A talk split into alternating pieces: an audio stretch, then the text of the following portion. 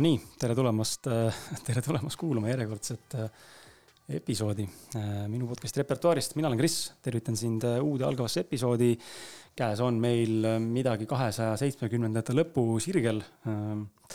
ja tõesti loodan, et sa oled, oled saanud kuulata ka eelnevaid osasid ja kui ei ole, siis on su võimalus minna ja kuulata sest et sisu on äh, tõesti palju, äh, infot on äh, minu podcast'is olnud aastate jooksul seinast seina ja ma ei tea, kui ma peaks välja ütlema nende kahesaja seitsmekümne pluss episoodi vältel, mis ma salvestanud olen siit podcast'i alt, kas on olnud kehvasi episoode, muidugi kehv on defineeritav, aga siis võib-olla sihuke ühe käe peal saan ma öelda saated, millega ma rahul ei ole olnud, kas enda soorituse tõttu või siis äh, mõnes mõttes minu eh, mittepädevusest või suut-, suut-, suutelisusest või oskamatusest eh, külalist avada ja, ja panna rääkima nendel teemadel, mis, mis on põnevad nii mulle kui külalisele kui ka kuulajatele, nii et äh, igal juhul aega ja viitsimist on, siis mine kuula tagantjärgi.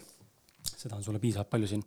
täna me räägime natukene sellistel võib-olla äh, niširohkemate teemadel ja ma pean silmas just juhtimist ja meeskonna juhtimist, väga, vägagi konkreetselt äh, nii-öelda target itud äh, saade, küll aga minu eesmärk on see, see saade nagu alati äh, luua selliselt, et äh, tänane külaline või iga saates olev külaline saaks siis äh, enda teemat ja enda kirge jagada sellisel viisil, et ka sina, kuulaja, suudad sellega samastuda. ja isegi kui tegemist on spetsiifilise informatsiooniga siis suudad sa seda informatsiooni enda elus, äh, igapäevaelus mõnes mõttes rakendada või leida vähemalt mingisugune praktiline viis selle realiseerimiseks. nii et äh, sellise väikse sissejuhatusega ma ütlen äh, tere, Mats Soomre. tere hommikust. millal sa viimati podcast'is käisid? aeg-ajalt ikkagi kutsutakse mind, aga kui ma nüüd mõtlen, siis oli vist augustis. tegelikult suht hiljuti siis, neli kuud no, tagasi. jaa, ta ongi kuidagi nii läinud, et äh, mingil hetkel keegi avastab mingi paar-kolm mõtet mm, -hmm. siis ta ütleb mulle, et kuule, räägime.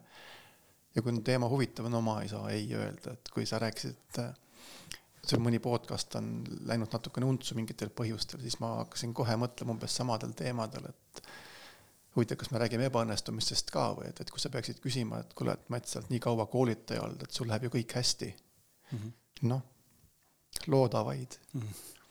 tead sa kedagi, kellel kõik hästi läheb? no ei lähe see võib tunduda niimoodi, aga ma olen ka oma elus piisavalt palju nüüd aru saanud, et äh, vaata, mulle meeldib, kuidas üks sõber tõi mulle äh, näitada minust tiba vanem ka ja, ja minust ütleme siis mingite standardite alusel või parameetrite alusel edukam, kuidas mina seda vaatan. siis äh, mulle tundus, et tal ei ole probleeme.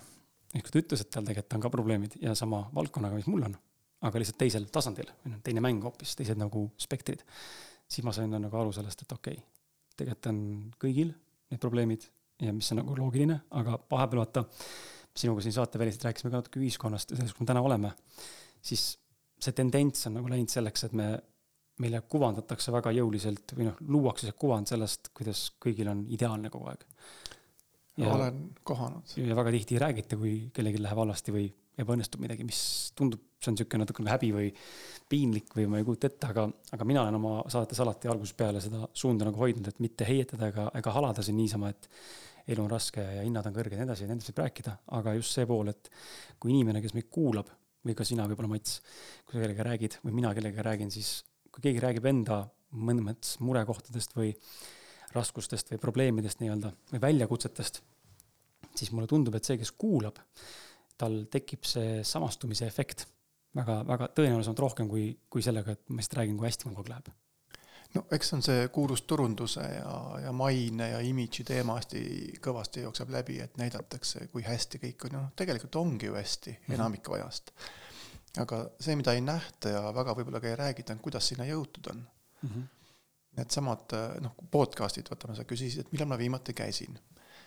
ma käisin mõtte endale kuskil välja mingi neli aastat tagasi, kuule, podcast, inimesed kuulavad, saad jagada, kellegagi kutsud.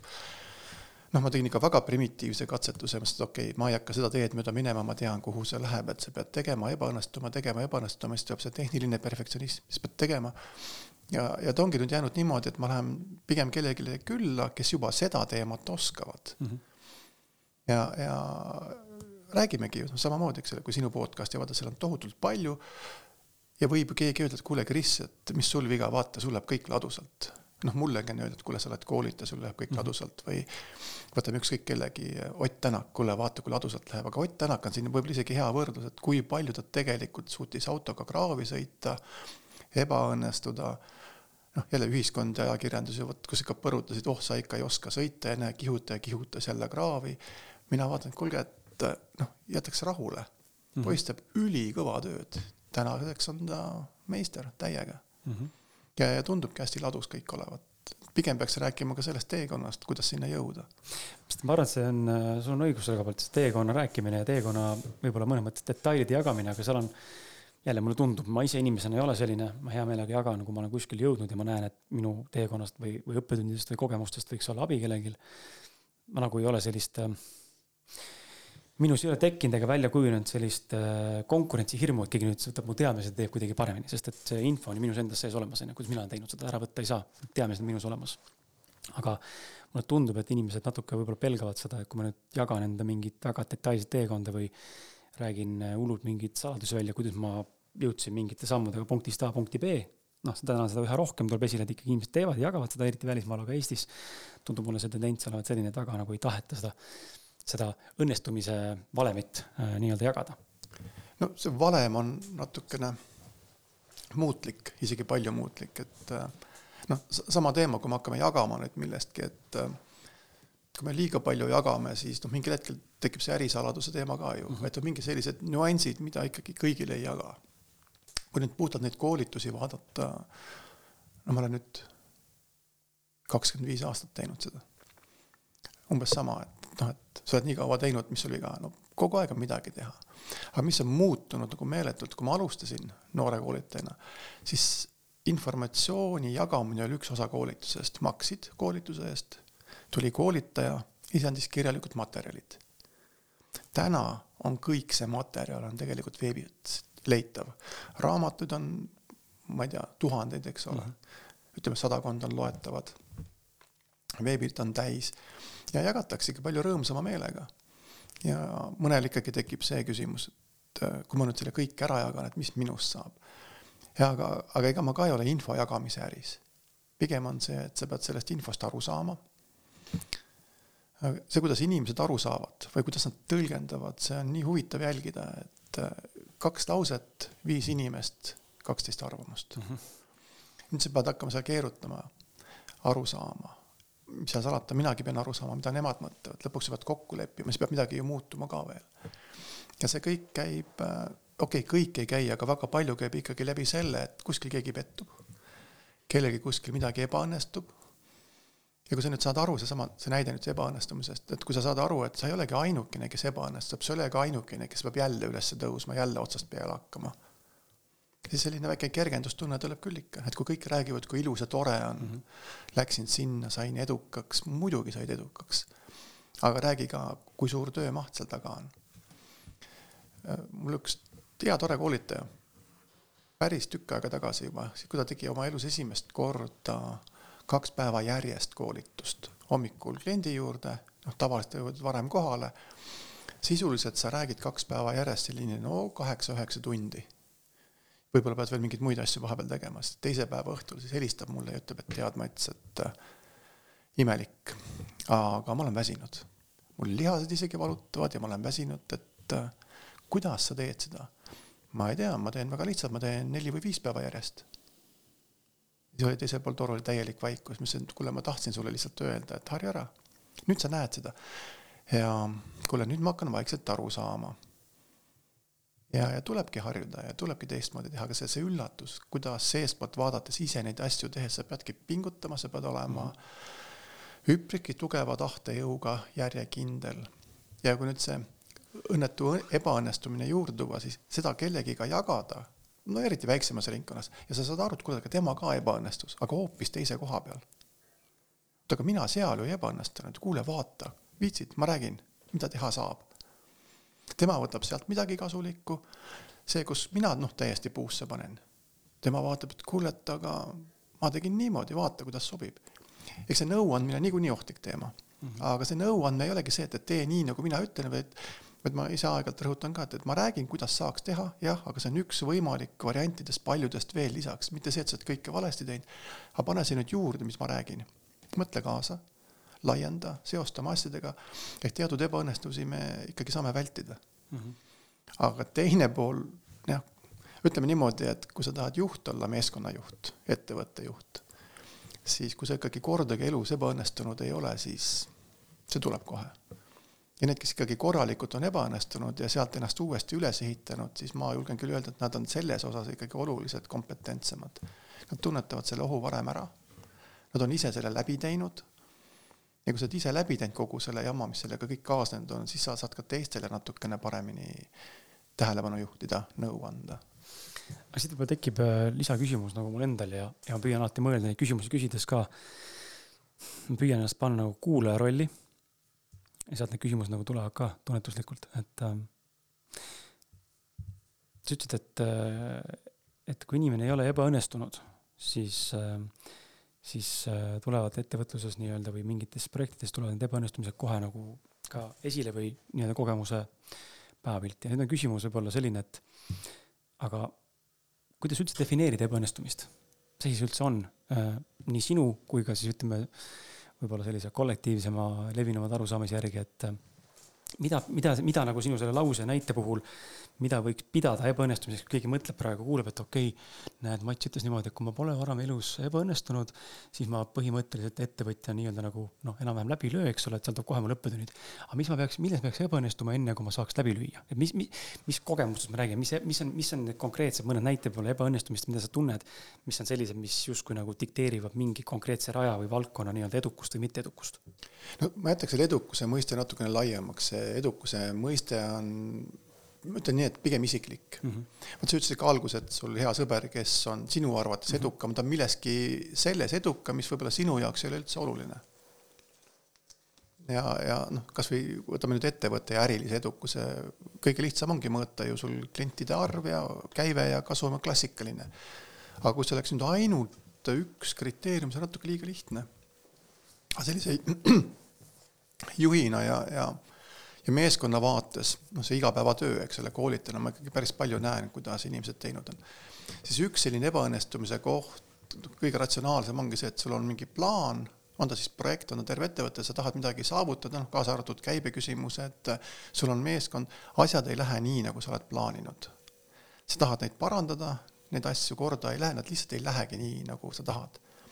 noh, see on üks kõige lihtsam vorm ebaõnnestumisest kui sellest nüüd liiga suurt draamat kiskuma hakata, noh, ma ütlen, ei pea ju mm. -hmm. küsimus on pigem see, et, et kuidas sa nüüd edasi lähed, kuidas sa korda teed, mida sa muudad. ja, ja sealt tekib seesama meeskonnaefekt nüüd juurde, et kui sa oled üksinda, siis inimesed kipuvad, paljud, ma ei tea, kui paljud, aga ma usun, et üpris paljud, nad jäävad nagu endasse.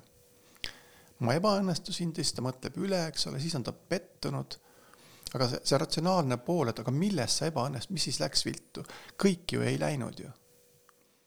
okei okay,, me plaanisime mingisugust äh, müügimahtu, noh klassikaline teenus, toode, klient ei ostagi nii palju, kui me arvasime.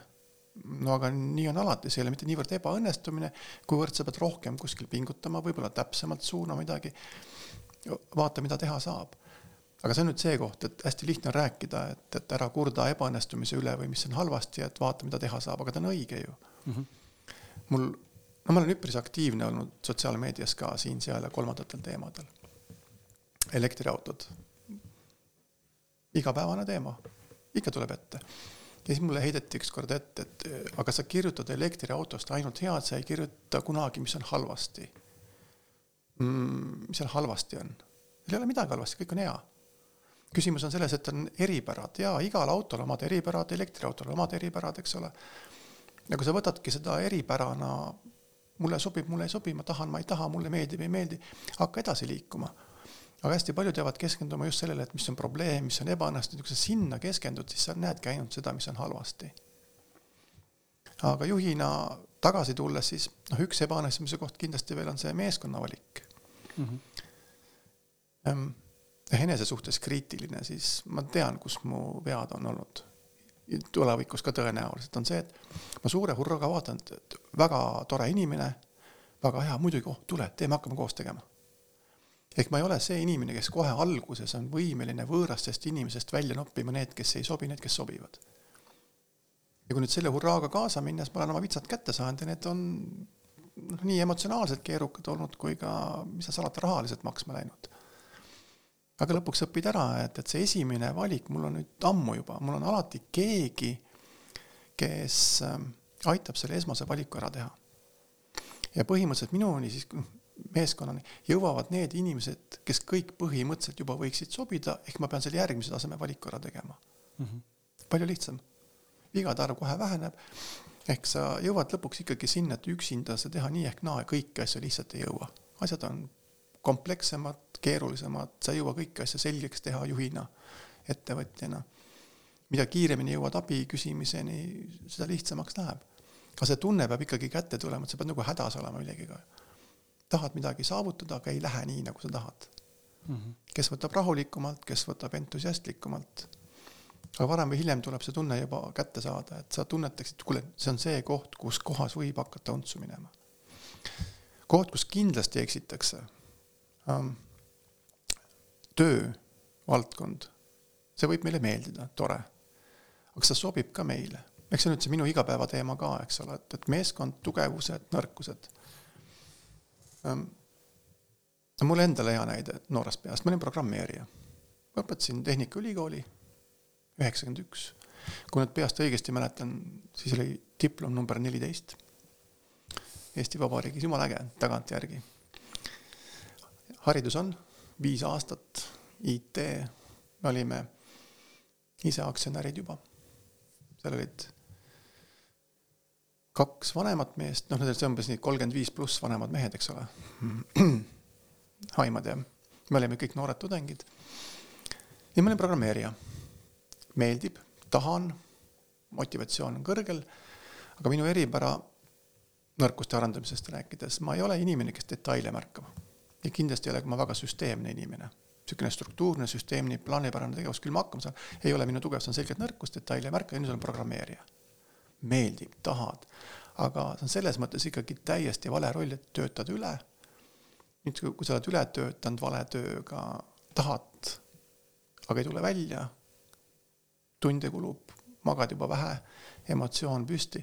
no ma ei usu, et ma nüüd läbipõlemine päris käes ei ole, aga eks ma seal üsna ääre peal olin.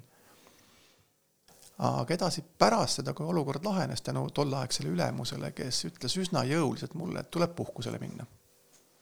noh, paku ise, kui sa oled noor mees ja sulle öeldakse, pead puhkusele minema. no ega ei lähe ju. aga ülemus oli nii konkreetne, et ta põhimõtteliselt ikkagi käskis.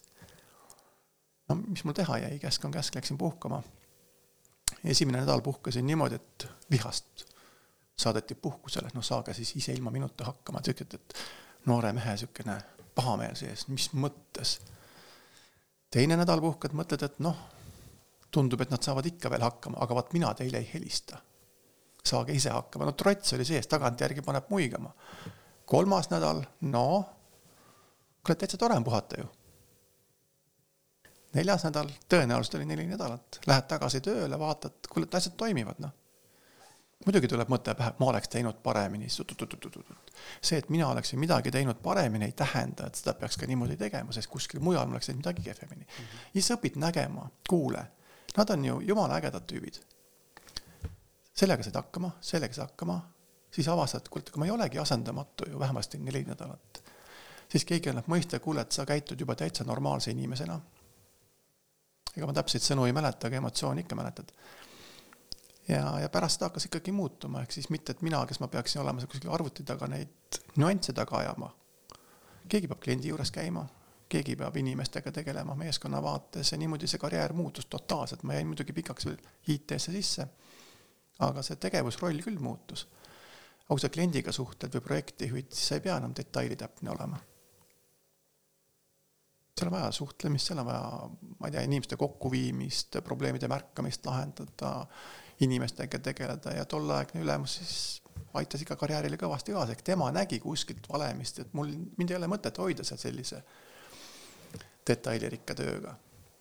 aga tagantjärgi vaadates oli see ikkagi oluline koht, kus äh, karjäär hakkab muutuma, et noh, tänase seisuga on ju olemas koolitused, on olemas erinevad mõõtmise mudelid, no sama see Belbini Eesti kui firma nimi viitab juba sinna Belbini meeskonna rollidele. et kui me saame selle võimalikult varakult kätte, et sellised suuremad ebaõnnestumised, neid juba eos vältida. Palju lihtsamaks läheks ju. et see, kus see tasakaal täpselt on, et, et ebaõnnestuda loomulikult niikuinii ebaõnnestud kuskil mingil määral. aga sa vähemasti tead, mida edasi teha. augustis see podcast, seal kuidagimoodi tuli jutuks see kriisiteema. kusjuures ma siiamaani ei julge praegu öelda, kas siis on praegu kriis või ei ole. noh, erinevad valdkonnad näevad erinevalt aga küsiti, et aga mida siis ikkagi kriisis teha.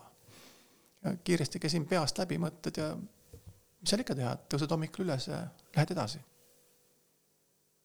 Mm. kuhu me läheme? ma täpselt ei tea, aga ma tean, et me läheme edasi. noh, teed need kolm sammu ära, mis sa ikka teha saad.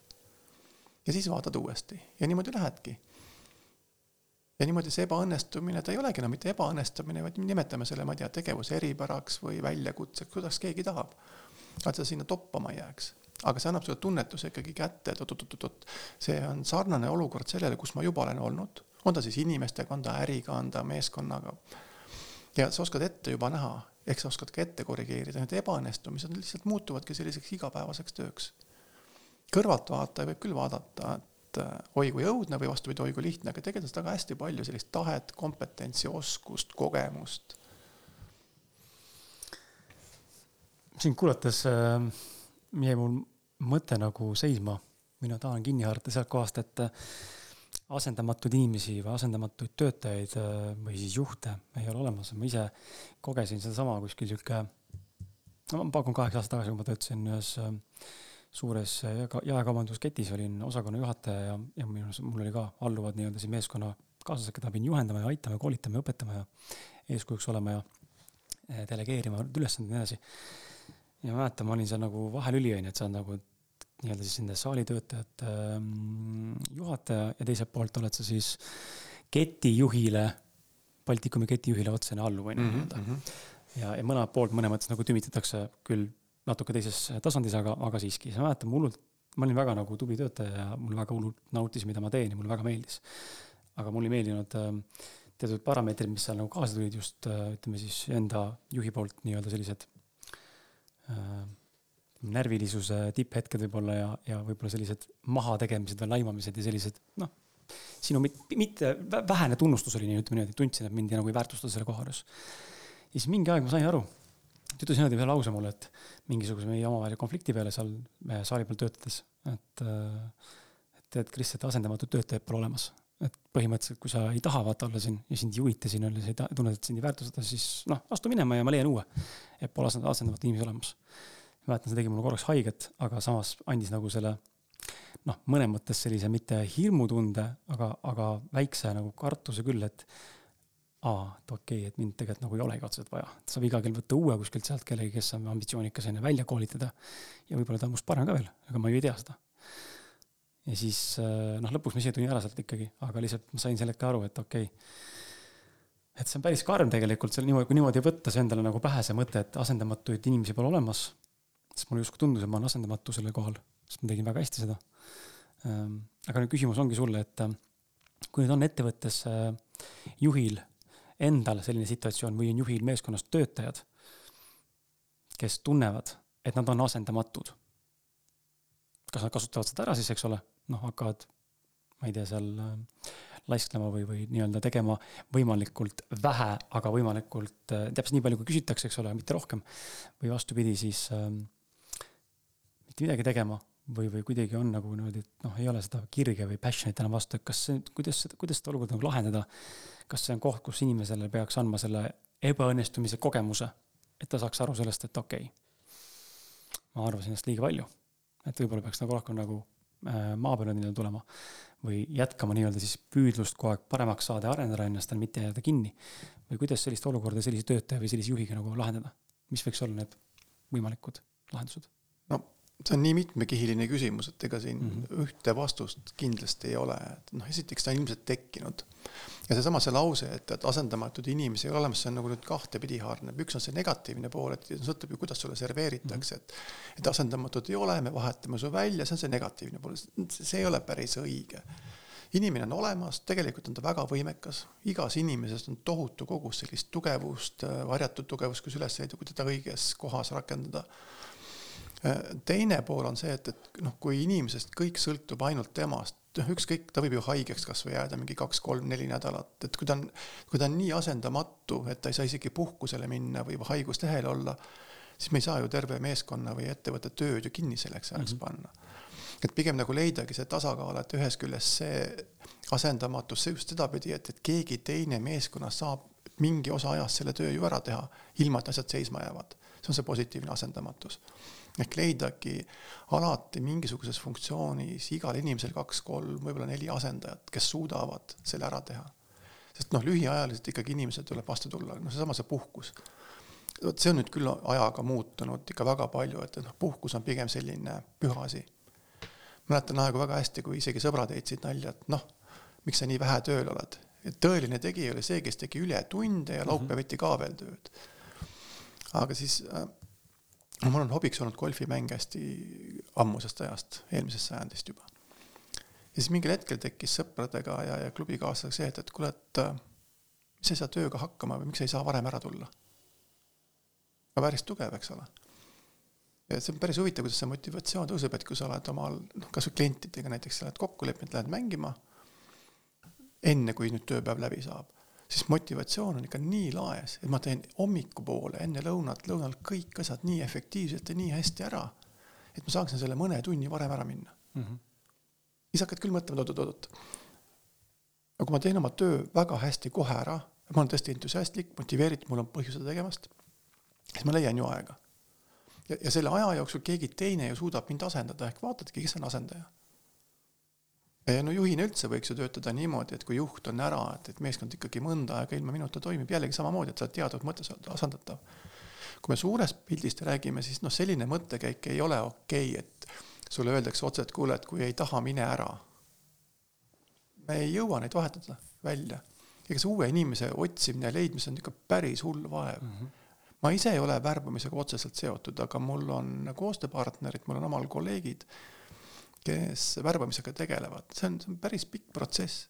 ehk igal juhul on juhile odavam, väiksema närvi ja energiakuluga see, kui ta suudab olemasolevast inimesest nii-öelda välja võtta see maksimaalselt hea, aga niimoodi, et inimene ennast hästi tunneb. et ühelt poolt, et hirm maha võtta, et ei, see asendamatus ei tähenda ju seda, et me sulle kinga anname, kindlasti mitte. aga see tähendab ka seda, et, et vaatame selle töö niimoodi üle, et, et kui sinul peaks midagi olema, puhkus, et töö seisma ei jääks aga see lahendus ongi, et lihtsalt peadki inimesega rääkima tõenäoliselt mitu korda sellel samal teemal võimalikult äh, otse. jah, ma tahan sinuga koos töötada, muideks üks variant on küll, et kui ikkagi konflikt on juba püsti, siis ühel või teisel kujul ikkagi jõuda selleni, et kuule, et, et öö, otsustame nüüd ära, kas me tahame koos töötada või ei taha. täiesti nüüd ja praegu, et mina tahan, aga ma tahan näha, et ole hea, sa pead ka pingutama, otsusta ära kas sa tahad või ei taha.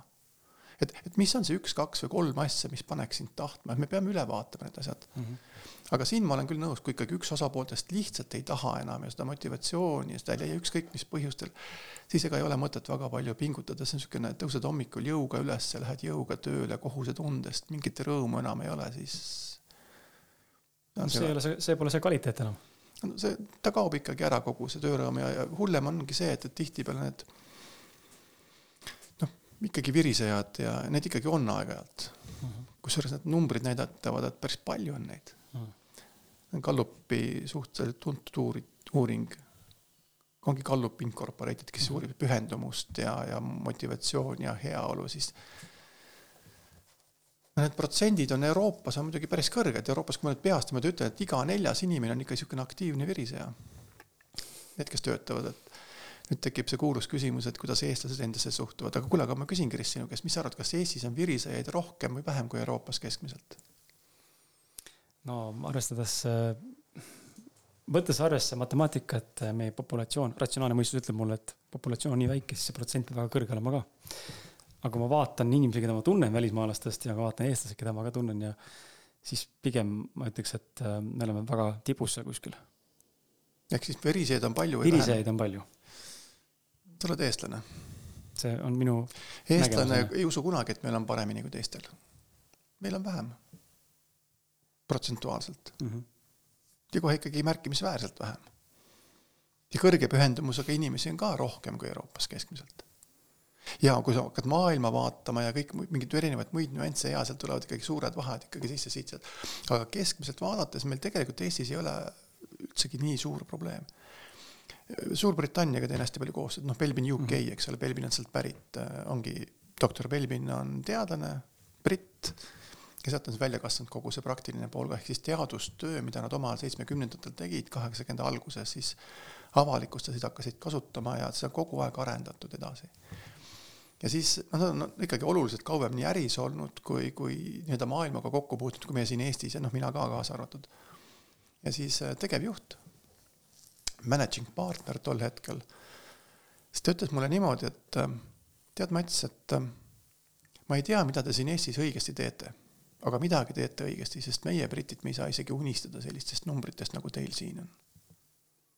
ehk siis väljast vaadates see, mida eestlased on teinud ja saavutanud ja, ja millised me oleme, siis nemad näevad meid oluliselt paremini, kui me iseennast näeme. see on mingi, ma ei tea, kas see meie kultuuriline probleem või ja, ja täpselt sama nüüd selle rahvaarvuga. muideks sellesama Joe'ga rääkisin nüüd vist mõned kuud tagasi.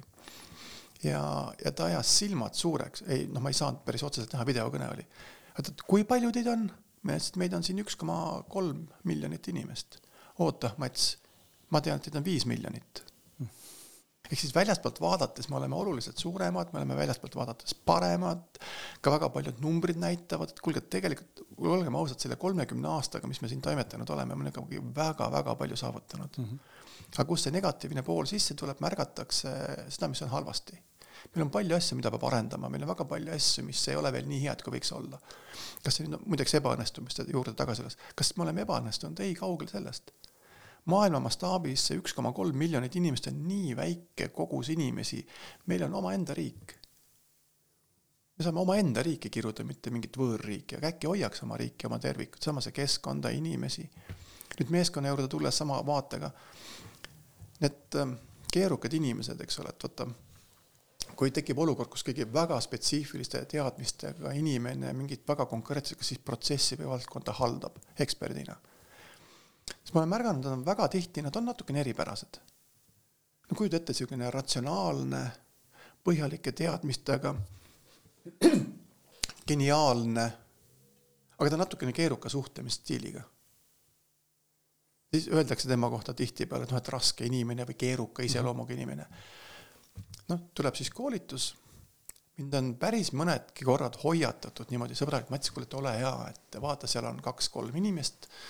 Noh, siis erinevate sõnadega, on rasked inimesed. noh, ma isegi ei julge küsida, mida ma tahaksin küsida, niimoodi kergelt irooniliselt, see pole see koht ega aeg. aga et okei okay,, vaatame ja tõepoolest istub inimene, vaatab sulle otsa põhimõtteliselt poolteist tundi, tal näos ei ole ühtegi emotsiooni no ma proovin sulle teha seda praegu, see käib umbes niimoodi.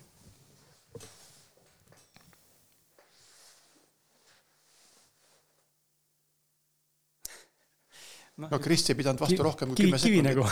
vastupidi. nüüd, mida too tüüp tegi poolteist tundi, vaatas sihuke täiesti, noh, nimetame siis neutraalseks seda nägu, eks ole, ühtegi mhm. lihast ei liikunud, mida ta tegi poolteist tundi? vaatles õige, vaatles ja mõtles kaasa, õige, ma tänan mm, -hmm. sa oled nüüd üks väheseid mm. -hmm. aga kogu tema olek on umbes selline, et noh, mida värki. aga kui nüüd mõelda natukenegi, ta jälgib ju sind mm. -hmm. On väga suur tõenäosus, et suure osa ajast on ta mõttega kaasas mm. -hmm. nüüd, kui mina hakkaksin mõtlema, et ta ei tööta kaasa, siis kas olen mina ebahuvitav või on tema vales kohas. nüüd ma teen talle selle asja huvitavaks ja mingi tund-poolteist, kaks hiljem ma olen aeg-ajalt kasutanud sellist väikest, see on nüüd trikk, aga see on väga positiivne trikk. Ehm, int-, ma natuke räägin tausta ka juurde. seda tüüpi inimesed käitumuslikult sellel hetkel tunduvad olevat introverdid. Nagu kui küsida, inimene on introvert, ekstrovert, ikka tuleb vastuseid, aga see on, see on lõks. õige oleks, ta hetkel käitub introverdina, aga me ei tea, kui palju temas ekstroverti on mm. -hmm. nüüd vaatan talle otsa, mingil hetkel, sobival hetkel leian, et ütlen talle umbes niimoodi, et kuule, et ma võin kihla vedada, et sa oled ääretult jutukas inimene. seesama selline neutraalse näoga inimene vaatab mulle otsa, naeratab ja raputab pead, et ei ole, ei ole, ei ole.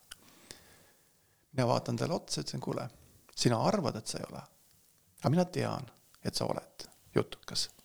ja lepime selles kokku, sind jutukaks saada on pikk ja keeruline protsess, aga kui sa juba räägid, kui teema on huvitav sulle ja kui me oleme tõesti valmis sind ära ka kuulama, ma võin mürki võtta, sa oled jutukas, rikkaliku sisemaailmaga inimene ja sinuga hullult huvi-, ei noh, siis olen ma muidugi mm. -hmm. aga mis tavapäraselt juhtub, ongi seda noh, pool tundi või poolteist tundi, seda aega inimesele ei anta, et ta kohaneks, ta saaks mõelda. et tekkis hetk, kus ta tõesti hakkab rääkima, jah, tema juht, selline suhtlemise stiil võib olla tõesti eripärane. aga nüüd sellele ümberitsetaval entusiastlik, et entusiastlikel inimestel tuleks, et kuulge, katsuge nüüd palun vait ka natukene aega olla, ei ole vaja iga viie sekundi tagant midagi hõigata, aga mul on mõte. las ta räägib, hakkad kuulama, mõtled kaasa ja noh, päriselt nad ongi hullult huvitavad ja seesama, see poolteist tundi mind vaadanud mees vaatab mulle otsa, et naeratab ja noh, eks ma vist olen jah. kus ta siis keeruline tüüp on? aga kus see keerukus tuleb väga-väga tihti, ongi see, me ise temaga käitume täiesti valel moel. me mm. suhtume valesti, me käitume valesti, me suhtleme temaga valel moel ja nüüd me imestame, et ta käitub keerukalt, no käitubki noh, sest me ei anna talle isegi võimalust. eks me ei lase tal olla tema ise. no jaa aga kas see nüüd on see koht, kus äh, pöörame selle pildi nagu siis selle inimese poole, kes ähm, seda kogeb, eks ole, see introverdina hetkel käituv inimene seal ruumis või üldse tööalases kollektiiv, kollek-, kolleegiumis mm -hmm. või mhm. kollektiivis. kas nüüd see on see koht, kus ta peaks hakkama tundma ennast äh, ohvrina, eks ole, mul ei anta olla võimalust minna ise olla, vaid kuidas ta peaks võtma siis selle vastutuse või initsiatiivi, et kuulge, ma tahaksin olla selline, nagu ma tegelikult olen. teeme nii või nad võiks teha nii, et kas see on nüüd noh, et kummalt poolt see vastutulek peaks nagu olema siis selles mõttes, et see inimene saaks no, tunda ennast? no ma tahaks ikkagi siin juhtidele tähelepanu panna, et kuulge, et olge head juhid, et Märg, andke märga. võimalus mm. -hmm. ja üks pool muidugi see, et ütle ise välja ja, ja tee ennast kuuldavaks, see on hästi lihtne öelda, aga kõikidele ei sobi see, noh, ma olen üsna kindel, et sina ütleksid välja, et kuulge, ma tahan midagi öelda, küll ma ka ütlen. aga kõik ei ütle mm. -hmm. nüüd on ikkagi juhi vastutus selles mõttes, et leida see situatsioon see võimalus, et kedagi vaigistada, kellelegi sõna anda. ega ta ole ka keerukas. teine variant sellesama sellisele ratsionaalsemale, vaikivale, mõtlevale inimesele, leida kellegi meeskonna sees keegi, kes oleks talle nii-öelda filter ja tõlkija. noh, ma võin vabalt olla, ma olen olnud aeg-ajalt, päris huvitav on, et, et et mina no põhimõtteliselt oletame, et sa, kui sa, Krist, nüüd oleksid selline vaikiv, ratsionaalne, analüütiline, siis mina võtan küll julgelt sõna kuni nad kõik maha rahunesid, ütlesid, kuulge, et aga olge head, et Kris nüüd räägib, mismoodi asjad päriselt käivad mm. -hmm. ja siis mina muutungi selles mõttes nagu sinu jaoks selliseks heaks moderaatoriks, filtriks, et ma garanteerin, et see keskkond, need teised inimesed kuulaksid sind mm. -hmm. ma juhin protsessi ja ma pean tunnistama, et aeg-ajalt on see mul täitsa hästi välja tulnud sa lood selle ruumi ja, ja, ja või, võimaluse nii-öelda. ja, ja noh, üks rekord, kus ma, vot see on küll see koht, ma võin öelda, kus ma olen ikka nagu ise olin nagu ülirahul ma vahendasin ühte sellist kokkusaamist. ja tüüpiline probleem oli see, et spetsialist, kes esitas oma infot, ta pidi ikka tegelema selle grupiga. aga see oli keerukas grupp. ja siis mind põhimõtteliselt palgatigi sinna vahendajaks, moderaatoriks, see oli hästi spetsiifiline. Valdkonnast ma suurt midagi ei tea, aga me leppisime kokku, et kõik see, mis toimub grupiprotsessina, see on minu hallata. ja ma palusin eraldi veel luba ka, et kuulge, et aga ainuke tingimus on see, et mul peab olema võimalus teha asju nii, nagu mina hetkel näen. see ei pruugi olla klassikaline, traditsiooniline, aga minu ülesanne on tagada, et see noor spetsialist saaks oma infot jagada. kõik grupi poolt tulnud sellised äh, üleolevad rünnakud või siuksed pahatahtlikud käitumised, seal oli paar inimest, kes olid ikkagi no sorry, aga ma oleks välja visanud sisuliselt, aga noh, ei tohi, ei ole viisakas. saime korrale. ja siis tulemus oli pärast niimoodi, et selle noormehe kas siis otsene ülemus või tema siis otsese ülemuse ülemus, ma ei mäletagi enam peast, tuleb minu juurde, ütles Mats, kuule, ma ei teadnudki, et ta nii hea esineja on. ma ütlesin, jaa, aga vaata, mis ta teha sai, ta sai oma valdkonnast rääkida inimestele. Kõik muu jama oli minu kraes. olgem ausad, mul endal oli pärast ikkagi koju sõites oli närv oli sihuke kergelt, et pagan, noh, ikka stressitase oli üleval, sa hoidsid kogu aeg korda ja paar-kolm situatsiooni olid ikkagi sellised, ma ise mõtlesin ka, no pagan. aga noh, vaata see oli uhkuse küsimus, et ma ei saa lasta korral käest ära kukkuda mm. -hmm. ja ma kogu aeg kujutasin ette, et, et see noormees peab saama rahulikult rääkida oma asjast ja ta tegelikult sai, muidugi kõik näevad ja kuulevad ju. Ja see on nagu väga hea rollijaotus, okei okay,, tavapäraselt ju ettevõttes nii hulluks siis asi ei lähe aga see annab julgust juurde just, et, et sellistele sügava mõttega inimestele peaks olema keegi selline toetav pool, kes aitab tal äh, teistele ennast väljendada. mõnikord on lausa tõlkijat vaja.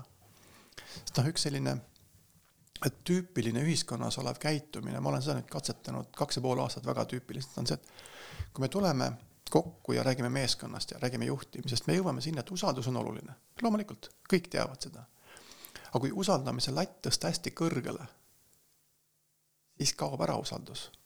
ehk me seame, noh, üks koht, mitte et nüüd päris ära kaoks, ei, ma ei mõtle seda, ma mõtlen, et, et see, see, see mitu astet kõrgemale usaldus kaob niimoodi ära, et me enam ei, me ei ole enam valmis inimest ära kuulama me ette juba kahtlustame, et ta tahab meile halba, me ette kahtlustame, et midagi on valesti ja tuleb üsna kiiresti selline eitav käitumine, ei sobi, ei saa, ei meeldi, see on halb. aga see inimene ei ole veel oma mõttega lõpuni jõudnud, ütle mulle palun, kuidas teised saavad teada, et see on halb mõte? ei ole võimalik. ja siis teine paralleelne teema, mis jookseb läbi, on see, et me ju räägime, et avatud tuleb olla. ole avatud, tule räägi, mida sa mõtled aga mul on kohe ohutuluks, et kukla taga. Tükk-tükk-tükk-tükk vilguvad oot-oot-oot, mida nad mõtlevad sellega, kas me oleme avatud? Või nad mõtlevad, et me tahame olla avatud, aga veel ei ole, noh, küsid üle, selgub, et tuleb olla, okei. Okay.. kui ma tulen mõtetega, mis on ebatraditsioonilised, kui ma tulen rääkima midagi sellist, mis teile võib-olla kohe ei meeldi või on üldse kriitiline, kas te siis ka säilitate avatuse? aimad vastust korras. lepime kokku, teen kolm katset, ebaõnnestumine on täielik. ehk sisuliselt avatus, väga palju räägitakse sellest, et tule, ole avatud. mina küsin sellesama asja vastu, et kas see tähendab seda, et ma pean teile rääkima asjadest nii, nagu teile sobib või te olete valmis ka mind mõistma? ja see ei puuduta ju mitte ainult mind, vaid ükskõik keda teist ja paraku ongi niimoodi, et äh, meeldivaid asju avatult rääkida on väga lihtne ja me jõuame sinna vastuvõtmise poole peale. kas me oleme valmis ära kuulama inimese, kellel on hästi kriitiline info, hästi teistsugune info? liiguta mikrit natuke ülespoole. Jah, natuke rohkem. jah, ja võid seda ka sikutada mm. -hmm. ma vaatasin, sa läksid sellest lihtsalt kõrgemale. ta, jah, nii, okei okay. teema läks oluliseks, selgeks, sirgeks ja see vastus jääb tihtipeale küsimata, aga üks nagu ülipositiivne näide.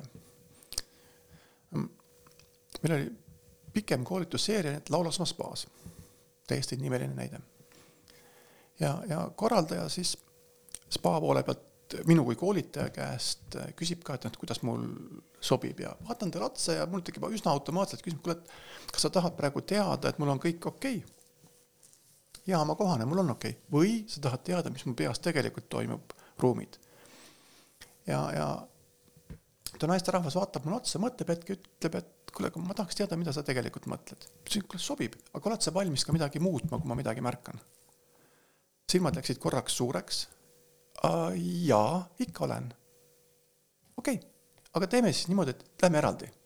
mul on mõtteid, mida ma olen märganud kusjuures seal on väga hea on seal koolitada, kõik toimib, ruumid on head, teenindus on head, kõik on head, aga tead, pisiasjad, mis ei ole olulised, aga noh, mul on mingid omad eripärad mm. -hmm. rääkisime, järgmisel korral ma näen, ta on võtnud arvesse minu väikest tagasisidet või mõtet. ja veel parem, siis ma olen ühe teise grupiga seal ja tuleb vastu üks noormees, kahjuks nime ei mäleta, aga nägu mäletan, vaatab mulle, tere Mats oh,, ma ei teadnudki, et sina tead, kuule, oota üks moment, ma lähen teen nii, nagu sina tahtsid. ehk see info oli juba temani ka jõudnud, et mis on minu kui koolitaja, mina kui Mats, eks ole, minu mm. eripärad. ta läks, vahetas seal paar pisiasja ära. noh, kujuta ette, mis mõnus tunne mul kliendina on mm. -hmm. korras. et kuidas me saaksime igale poole meeskonda ka, et isegi siis, kui midagi eripärast, et, et, et ma saaksin tulla, mitte ainult mina, vaid mul on mingi mõte, mul on mingi idee tähelepanek, et arutaks läbi, et lepiks omavahel kokku, et aga tule räägi, ma kuulan su ära, ma tahan sinust aru saada. teoreetiliselt kõik saavad sellest aru, praktiliselt väga vähestel õnnestub see. ja eriti nüüd, kui see, see meeskond tervikuna koos on. ja üllatus-üllatus, see ei ole üldse kerge.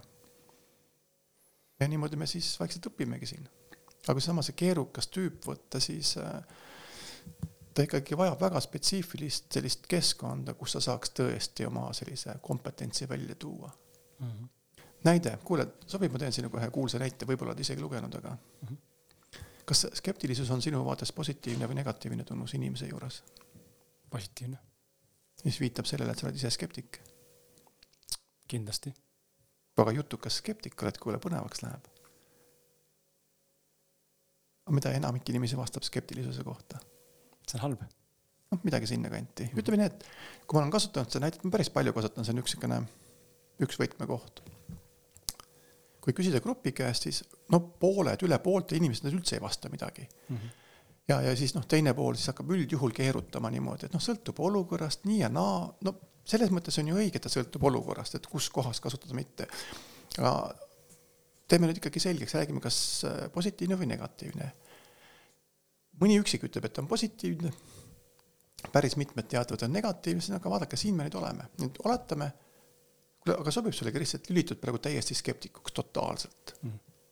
nüüd kujuta pilti, et meil on midagi olulist teha, ma tulen sinu juurde ja sa märkad, et ma suhtun skeptikutesse negatiivselt, noh, paha, kole, õudne, jube, raske. kaua sul aega läheb, et aru saada, et minuga suhtlemine on mõttetu? olematu aeg. no minut, kaks mm. -hmm no sa oled täiskasvanud inimene, natukene positiivsust ikka on, äkki saab asja, aga mõne minutiga on aru saada nüüd. nüüd sa muutud eriti keerukaks. mina vaatan, Kris on appi kui keerukas ja pärast teatan, Kris on väga kole, õudne, raske. noh, paneme veel mingid mm. -hmm. ma ju tekitasin iseendale selle peavaru ju. aga inimesed ei tunnista, nad on ise selle tekitanud, teeme nüüd teistpidi. kui ma tean, et sinus on skeptikud, no ju siis on, muidu sa poleks nii teinud ja kui sa märkad, et ma päriselt su-, kusjuures ma suhtungi, kui ma päriselt suhtun skeptikusse, oo, kuule, väga hea, Kris on skeptik, see on ääretult positiivne. kaua sul nüüd läheb aega, et Matsiga võib täitsa rääkida? sama kaua. no siis oled sa väga kogenud skeptik. kauem tavaliselt. mina saan isiklikult äh, tunnetuslikult, mul on inimeste lugemisega olnud terve elu mingisugune, mingi nüanss, ma tunnetan intuitiivselt äh, väga selgelt ära, kellega ma kas klapin või ei klapi, ma mõnikord eksin. erand nagu reeglid, aga üldiselt ma tajun ära, äh, kellega saab, kui sügavale ja kuhu minna ja kui, kui pealiskaudseks või mingisuguseks selliseks hästi viisakaks või mingisuguse raamistikuga jääb see jutt. kui sa lubad, ma olen nüüd kasulik natukene iseendale ka.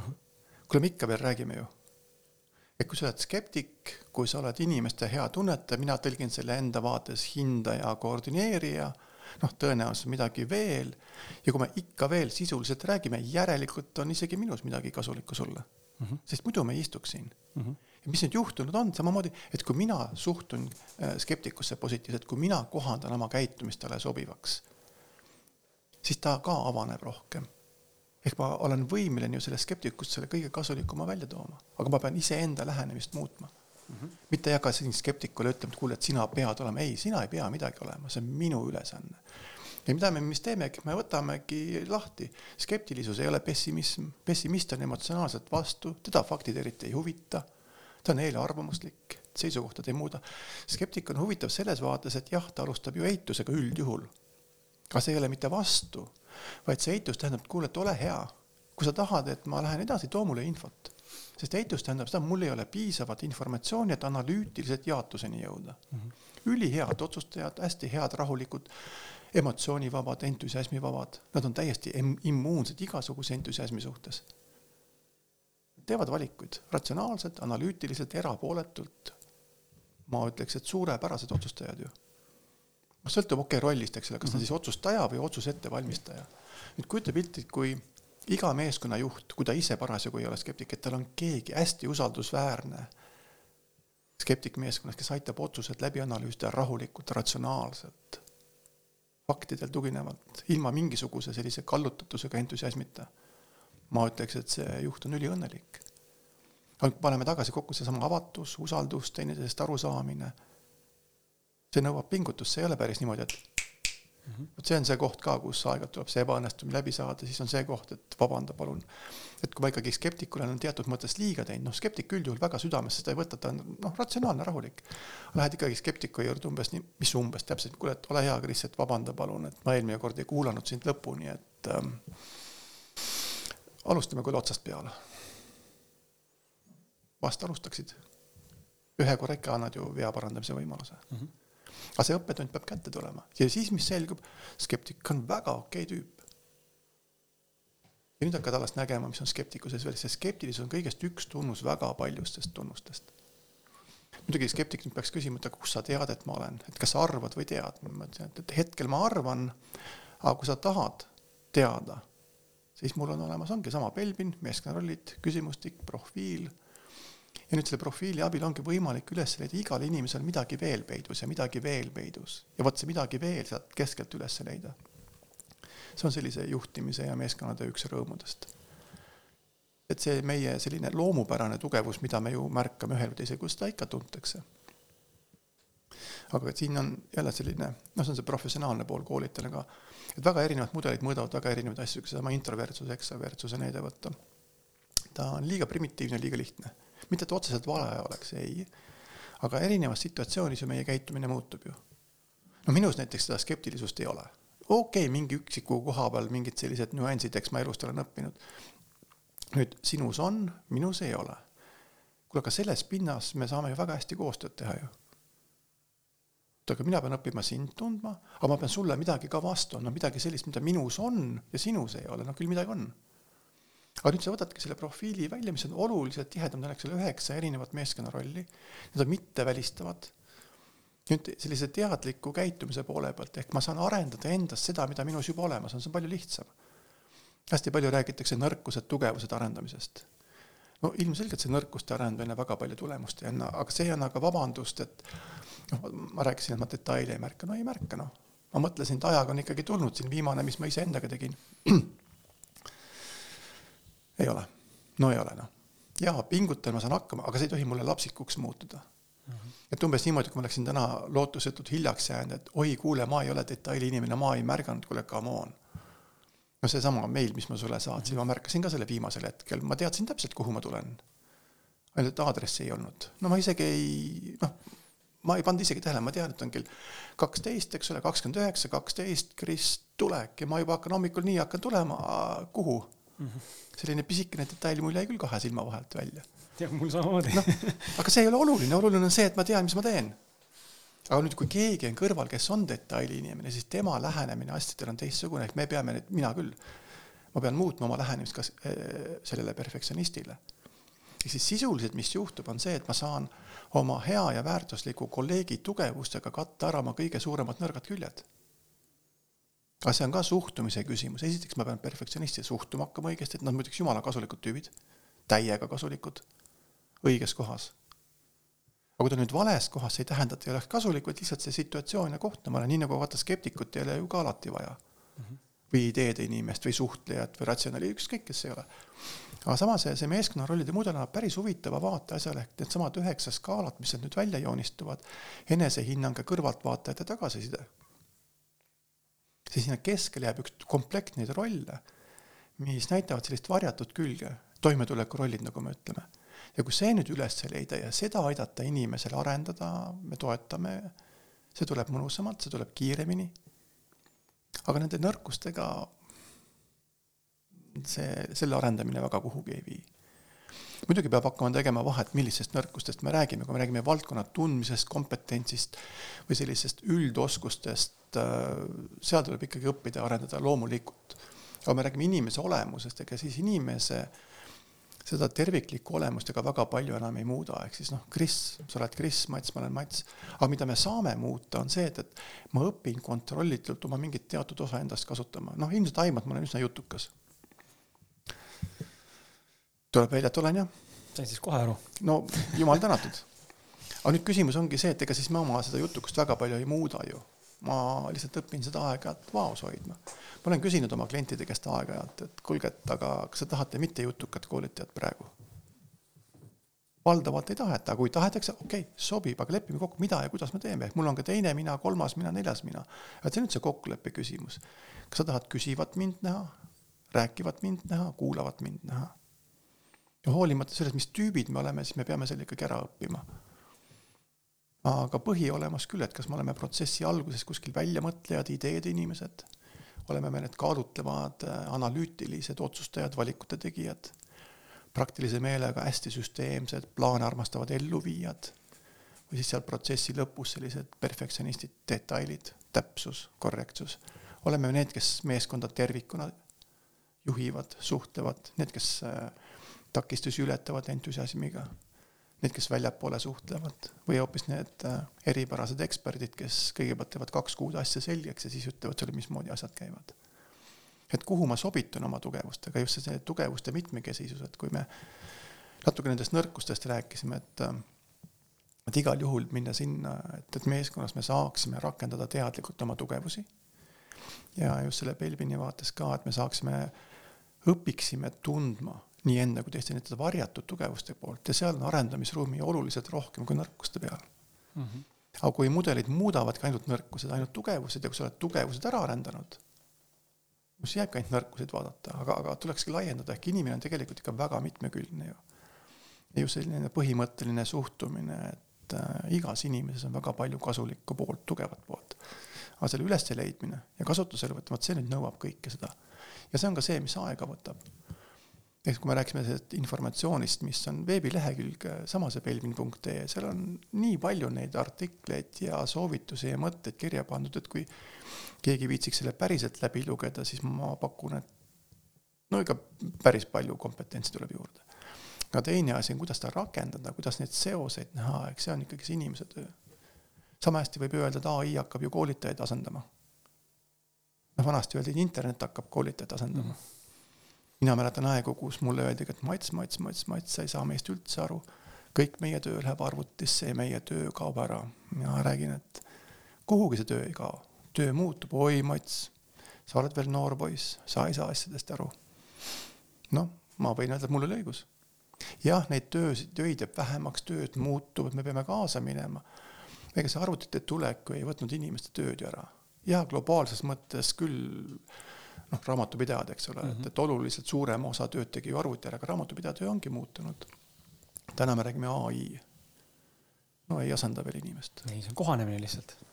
aga ta on tööriist ja samamoodi kõik need äh, koolituse teemad on ka, et me anname ikkagi teatud mõttes äh, vahendid, tööriistad, neid peab õppima kasutama ja see on see, mis aega võtab mm. -hmm.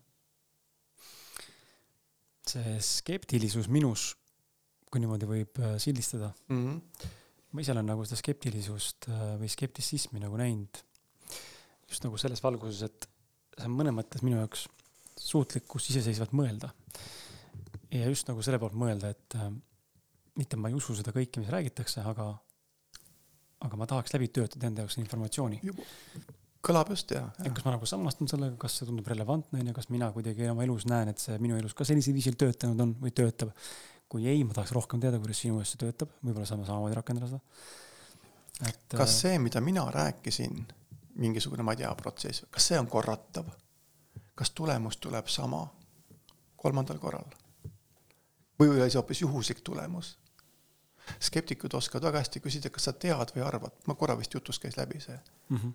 et kas see, mida sa räägid, kas sa tead või arvad, millel see põhineb, näita, näita numbreid.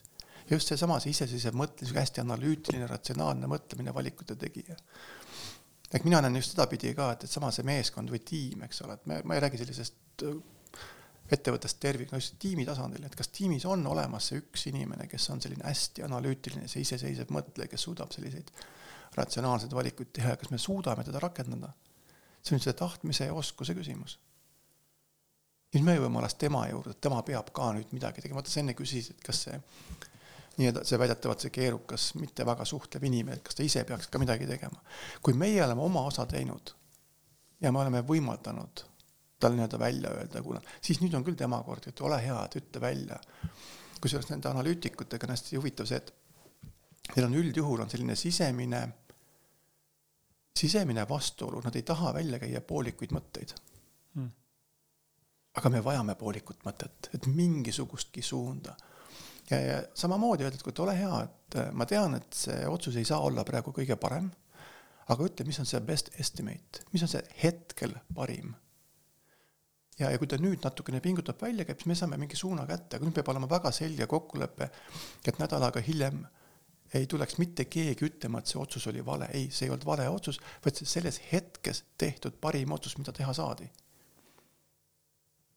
Ja kui me saame lisainformatsiooni, siis seesama analüütikuga toimetulek selles vaates on ju suhteliselt lihtne, et ma tulengi, ütlen, kuule, et ole hea, Kris, et äh, ma sain äh, infot juurde. ole, lepime aja kokku, vaatame üle, äkki peab otsust täiendama.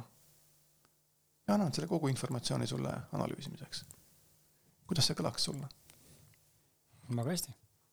ja siis ma rahulikult ootan, okei okay,, ma olen kärsitu kohati, ma tean aga lihtsalt ütle mulle, kaua sa mõtled, tund aega, kaks päeva? Mm.. kolmandaks jaanuariks, okei okay., ma lähen teen kolmanda jaanuarini midagi muud kasulikku kuskilt, ma ei tea, arendan suhteid, leiutan midagi välja. aga sa pead teistpidi nüüd jälle pingutama, et kui sul vahepeal tekib tunne, et infot on vähe, siis sa pead vahepeal ikkagi, kuule Mats, et infot on puudu, et ma ei saa edasi analüüsida, okei okay,, toome. ja kui me hakkame sedapidi teineteisega arvestama, siis kaob ära see, et keegi on raske inimene või, või keeruline, ei ole ju kas talvel autoga sõitmine on keerukas, ei ole ju, kui sa oskad. aga kui sa paned äh, sajaga üheksakümne kraadisesse kurvi ja pärast südistad autot sellest, siis noh. saab ka nii. noh, jah, autojuht on see. aga sama on ju see inimestega ka, et, et noh, see kiiruse teema, surve teema, suhtlemise stiili teema, et ikkagi rakendada inimest õiges kohas ja see mitmekesisuse pool tuleb nüüd välja, mis teebki keerukaks, et see, me räägime praegu noh, natukene lihtsustatud seesama, sa ütlesid, et, nagu sildistada. ja aeg-ajalt nähakse, et see on sildistamine, aga häda ongi see, et sildistamine on põhimõtteliselt ikkagi see üks mingi asi. kui me räägime nüüd sellises professionaalses vaates, see ei ole mitte niivõrd sildistamine, kuivõrd ma kirjeldan ära läbi selle profiili meeskonnarollide profiili, mis on inimese tugevad rollid, mis on toimetuleku rollid, ehk sisuliselt aa, muideks ükskord ma võtsingi lihtsalt visuaalse näite, et mitte ma ei võta ühte silti, vaid esiteks mul on siin üheksa tulpa. kõik on eri värvi. igas tulbas on kümme erinevat tooni, nüüd teeme lihtsamaks, neli erinevat tooni. ma annan sulle üheksa silti igast värvikomplektist ühe ja need on kõik erineva tooniga üldjuhul mm. -hmm ja see kirjeldab ära, see üks värv, see üks toon kirjeldab, kui tugev on sinu soodumus sellisel kujul käituda, panustada ja see ei ole mitte üks tunnus, vaid seal on terve hulk selliseid käitumuslikke tunnuseid. ja mis teeb selle Belbini vaates ka hästi huvitavaks, mis oli noh, minu sellise juhtimise karjääri puhul ka hästi huvitav. Ehm,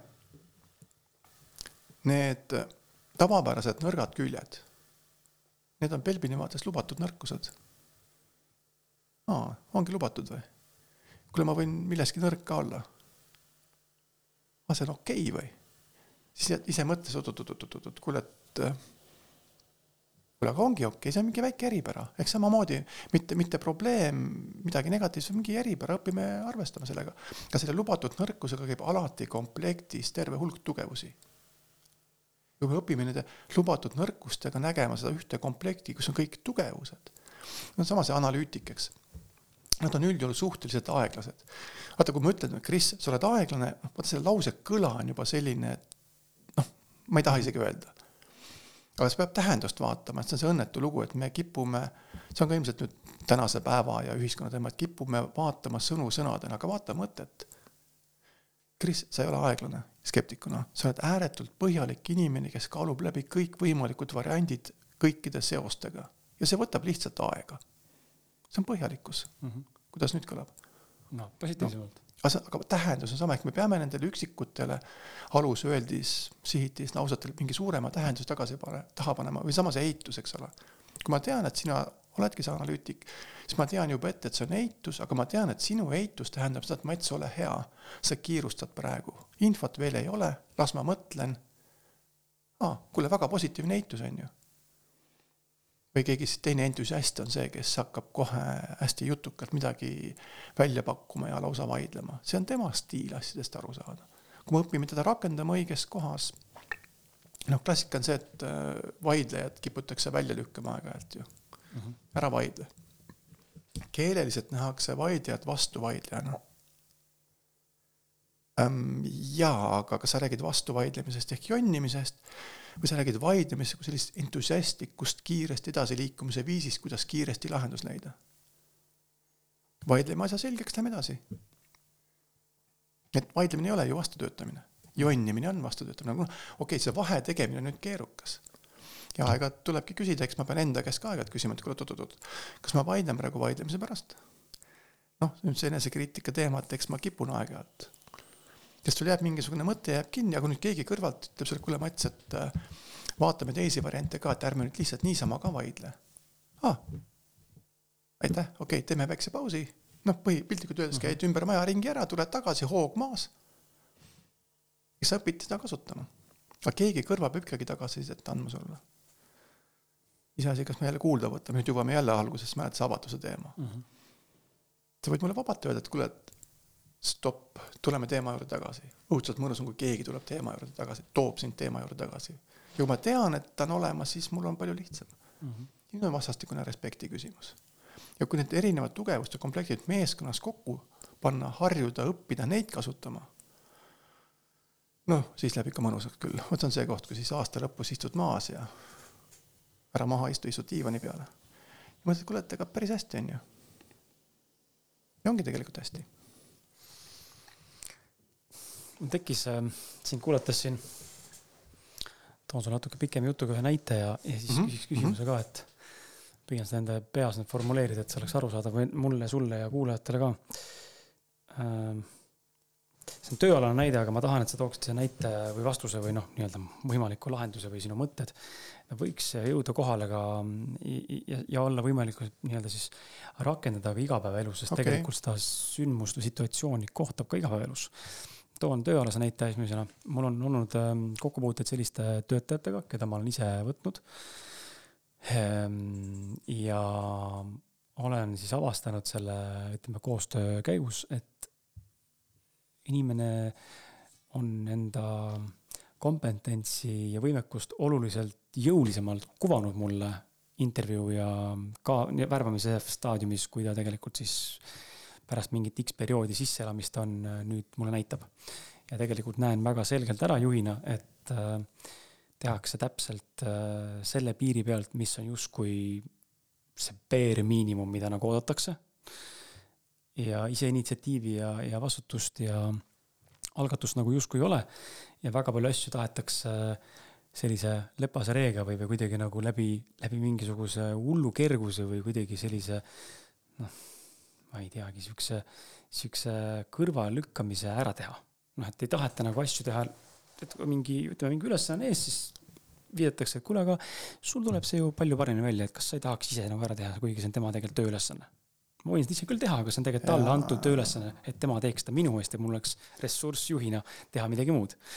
ja, ja siis püüad nagu inimesele seletada, onju, ja tegelikult äh, tekib see koht, kus ma saan ka aru, et okei okay,, ei ole nagu kindel, kas ta tegelikult päriselt tahab siin tegelikult olla ta nagu väidab, et ta tahab olla, me korra puudutasime seda teemat, eks ole mm. -hmm. ja sama teema on nüüd päriselus ka, on ju, näiteks inimesed suhtes, on ju, mees ja naine. et sa tegelikult tajud ära, et ühe partneri juures, oletame näitena, et üks partner nagu on nagu kohal ja nagu ei ole ja sa nagu näed, et tegelikult ta armastab sind, aga kurat, midagi on nagu off, nagu et nagu, nagu on, panustab ja panusta ja ei saa nagu aru ja samas ei taha nagu suhet lõpetada ka, sest eks ole, ikkagi armastus on olemas, mingid dünaamikad töötavad ja kõik on nagu hästi, aga midagi nagu puudu ka. kuidas nagu sellistes olukordades võib-olla nii elus kui ka siis töö, töö, tööalaselt, kuidas nagu aru saada sellest, et, et äh, esiteks noh, jälle see pool on ju, et me ei lase endale pähe määrida kedagi või midagi, mida tegelikult mulle võimaldada ka deliver ida lauale ei suuda. ja kui ma peaks nägema olukorda, kus on käes olukord, kus ta tegelikult ei too mulle lauale seda või ta üritab kuidagi viilida ja vassida ja, ja samal ajal ma näen tegelikult, et ta on nii palju enamaks võimeline. aga ma ei oska talle seda vundamenti luua praegu. ja lihtsam on ta lahti lasta, mis tegelikult võib-olla ei ole üldse hea mulle. ja seda ma ise kogenud ka. teed endale raskuse, aga lihtsalt sa ei suuda tegeleda sellega, sest et sa ei oska aidata inimest enam. noh, kolm tundi nüüd läheb ma panen stopperi käima siis um,. ma võtan kuskilt algusest, ähm, kui inimene ikkagi selgelt äh, teeb tööd niimoodi, et ah, käib kah siis kui nüüd korraks juhi poole vaadata, siis suure tõenäosusega me oleme teineteisest mööda rääkinud, mis asi on hea mm. -hmm ta nüüd värbamise käigus ennast natukene üle võimendab, siis ma ütleksin ise, et natukene üle võimendama peab. muidu me jääme paistma, me ei paista teistest välja enam ja me jääme selliseks liiga tagasihoidlikuks mm -hmm. ja ja selline noh, kaks, kolmkümmend protsenti pingutust sisseelamise ajus, kuule, igaüks ikkagi võiks ennast nii palju kokku võtta, et uues kohas pinguta rohkem, õpi juurde, niikuinii pead juurde õppima küsimus on, kas me juhina, kas meeskond aitab kaasa juurdeõppimisele. ma ütleks niimoodi, et kui sa oled uue inimese meeskonda võtnud, okei ma küsin niimoodi. võtad uue inimese meeskonda, kes vastutab selle eest, et ta meeskonnas hakkama saaks, see uus inimene? juht. ja ja kolleegid. ja kogu meeskond. eks see küsimus on, mida meie oleme teha saanud, et ta tõesti õpiks, sisse elaks, aru saaks, mis on see meie jaoks seesama töö mm. -hmm. Ehk siis lihtsalt oluliselt rohkem tulebki hakata vaatama, kuidas me oleme sellest aru saanud, mida me kokku leppisime. kogemuse pealt juba, no kirjutamine. ma olen nüüd viimase viieteist aastaga noh, suhteliselt palju kirjutanud artikleid asju ja Monikale siinkohal aitäh, kes on tohutult kaasa aidanud. aga aeg-ajalt äh, ikkagi kuskilt keegi kirjutab, saadab mulle mingi loo, ma vaatan sinna peale. oh, ei ole see lugu. nüüd on kaks võimalust, kas teen ise ära või palun tal uuesti teha. nüüd see uuesti tegemine, aga see on nüüd see koht, kus noh, mul kolleegiga on hästi hea selles mõttes Helenaga, et kui ta ei ole see, kas minu või tema kirjutatud, kuule, võtame telefoni ja me räägime üle, et kuule, mis seal on või mis seal ei ole. mida võiks ümber kirjutada, mida võiks välja visata, ehk sa võtadki kogu aeg räägid, aga mis asi see on see, et, et see on parem, kui käib kah. ja lihtsalt nii kaua räägid, kuni on selgeks räägitud. Aga kui sa nüüd korduvalt, korduvalt, korduvalt inimene ei tee, ei tee, ei tee ja tõesti, me oleme meeskonnana ja me oleme ka juhina noh, enam-vähem kõik ikkagi teinud, et inimene saaks töötada, siis peab küll korraks üle mõtlema, et kas see töö ja see roll on ikkagi sobiv talle noh, ja lõpuks on see ka meeskonna küsimus, me ei saa lõpmatuseni inimest aidata, ehk see abituks ei saa minna. ja seal on mingi osa ikkagi, noh, päris suur osa on seesama see tugevuste ja nõrkuste skaala.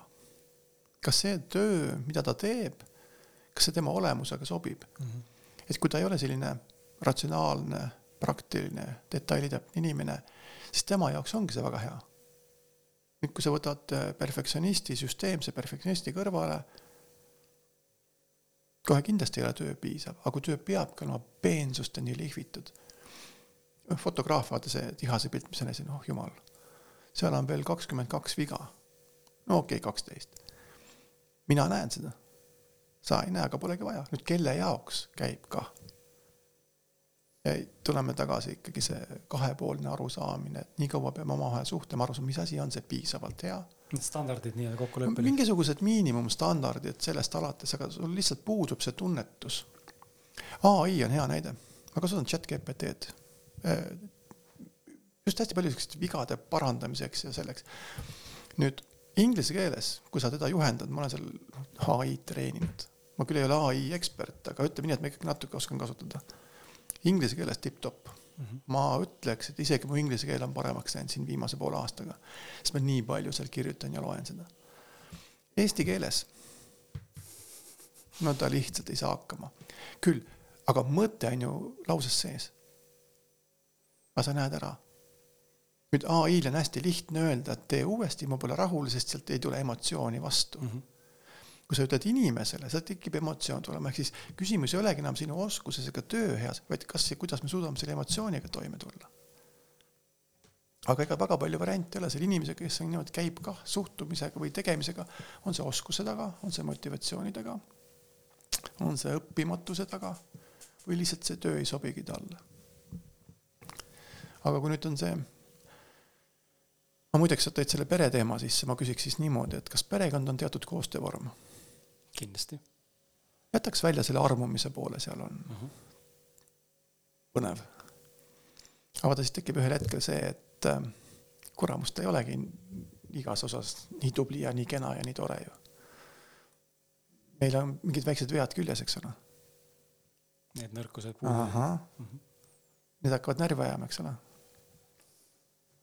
sõltub partnerist. no see sõltub juba, ütleb ise, muidugi ajab aga nüüd tekib see huvitav koht, ma olin ikka, ma ei olnud enam kaugeltki esimeses nooruses kui üks äh, appi.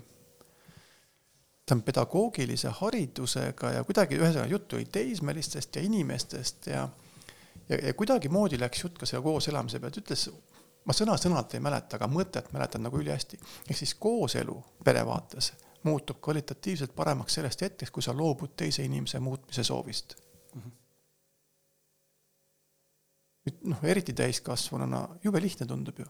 ehk siis aktsepteerid teist sellisena, nagu ta on. ta ongi selline, jumala mõnus. ja kui tema teeb sama sinu suunas, kuule, et aa, tegelikult on ju täitsa okei okay,, et ta selline on. ja nüüd hakkad seda vaadet ka teatud mõttes, ma, ma ei taha minna sinna peresuhetesse, sest selles vaates ma nüüd kindlasti ekspert ei ole.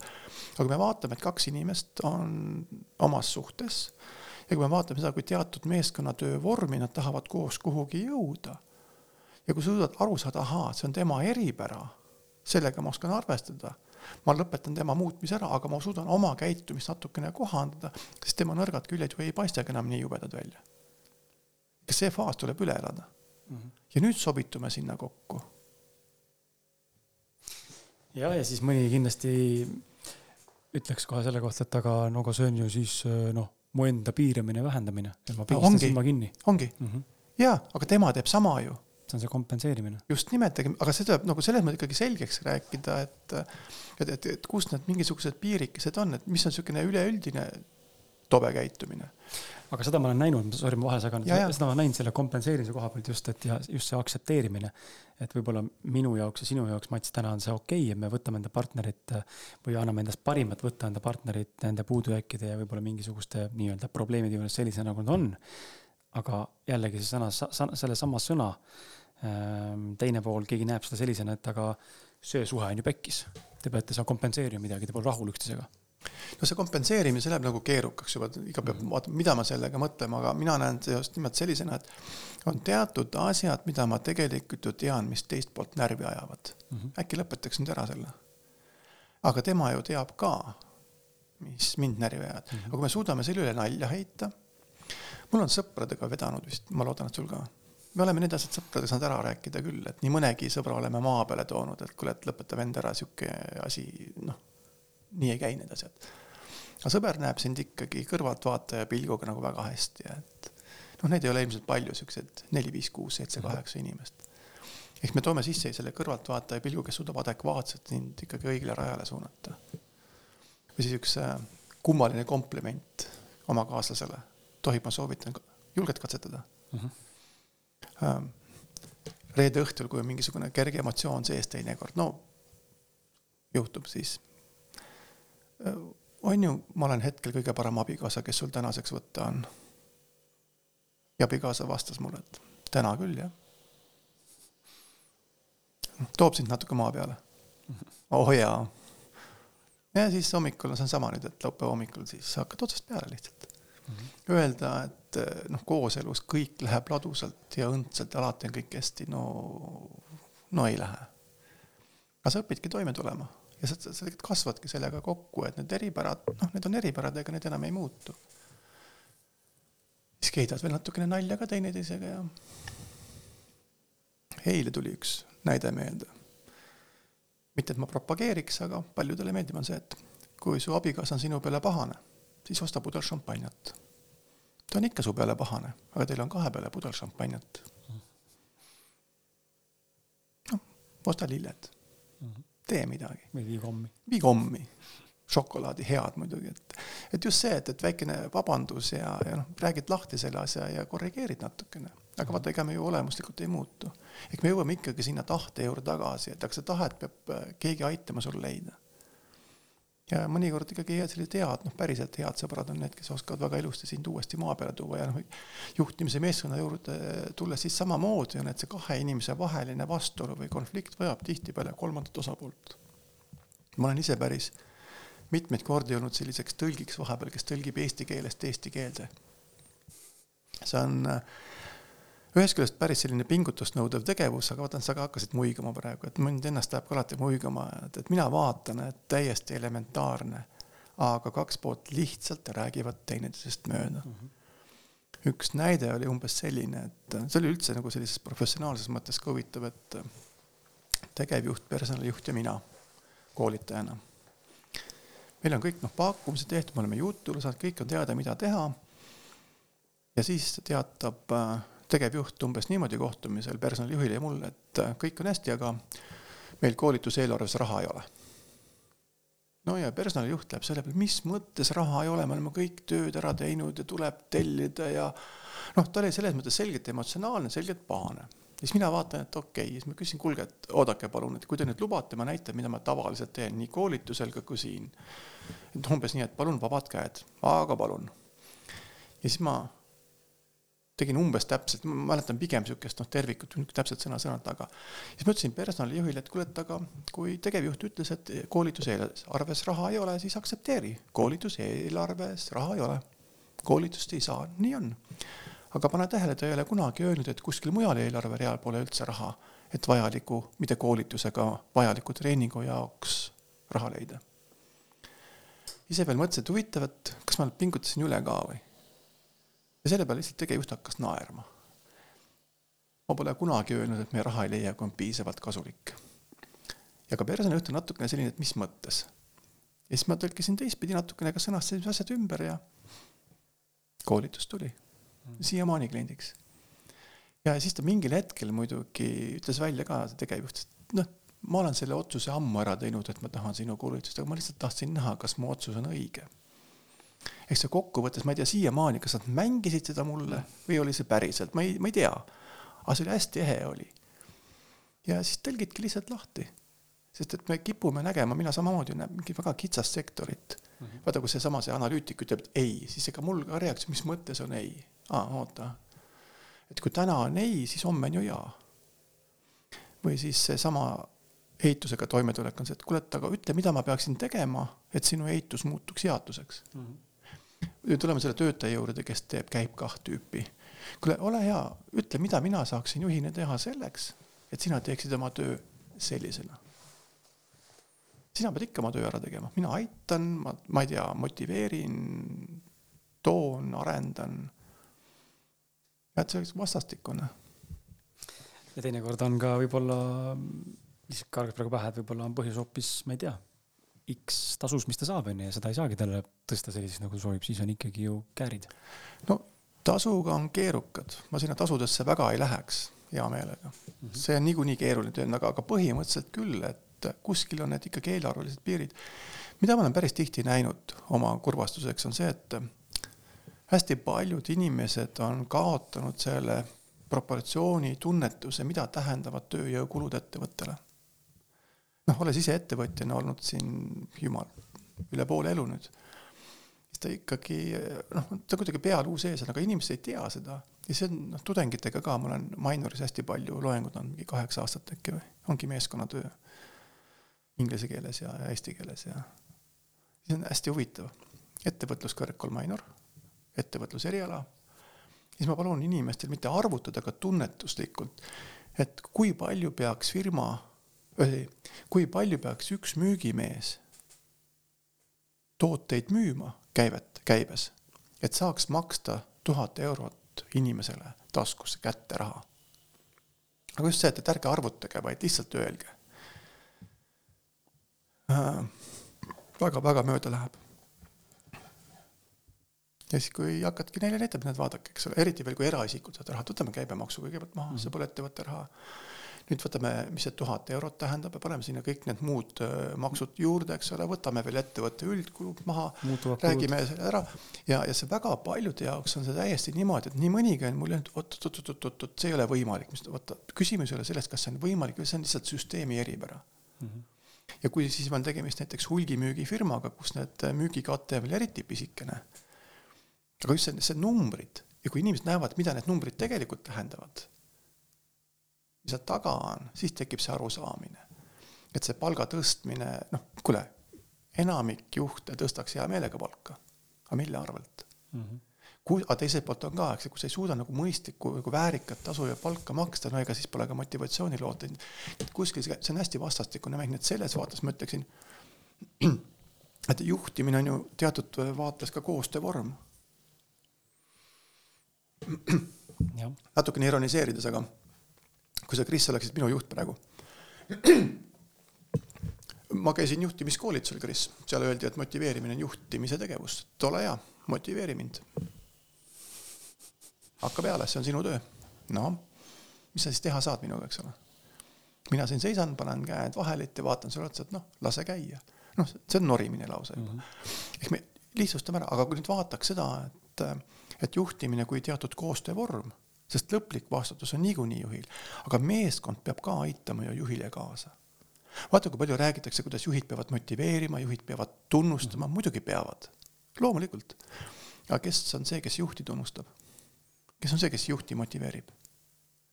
millal viimati meeskonnas inimesed läksid juhi juurde ütlemaks, kuule, aitäh, sa oled juhina väga hea selles, selles ja selles. no seda üldiselt reeglina väga tihti ei kohta. no aga kes siis juhib? kes siis juhi motivatsiooni eest vastutab? no ikka juht ise, eks ole. no jõudu tööle, eks ole. me siin juhid, ega me ei olegi inimesed, et me saame sisemise motivatsiooniga hakkama, kusjuures saamegi mõnda aega.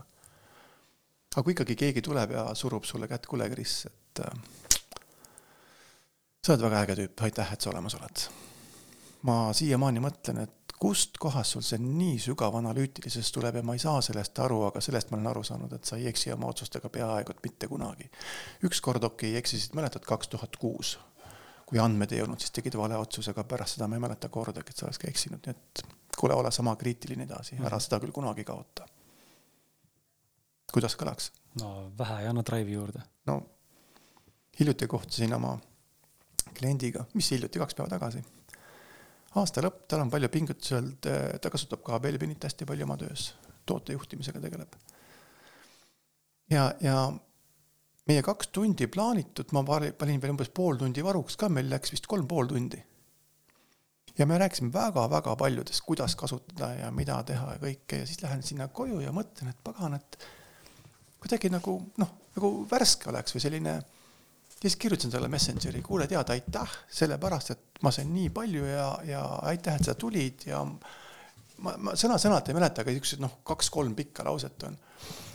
ja sealtpoolt tuli siuke naeratus, aga et nojah, ma tahtsin sulle sama kirjutada, et jõudsin koju ja mu elukaaslane ütles, kuule, sa oleks nagu patareisid kuskil laadinud vahepeal.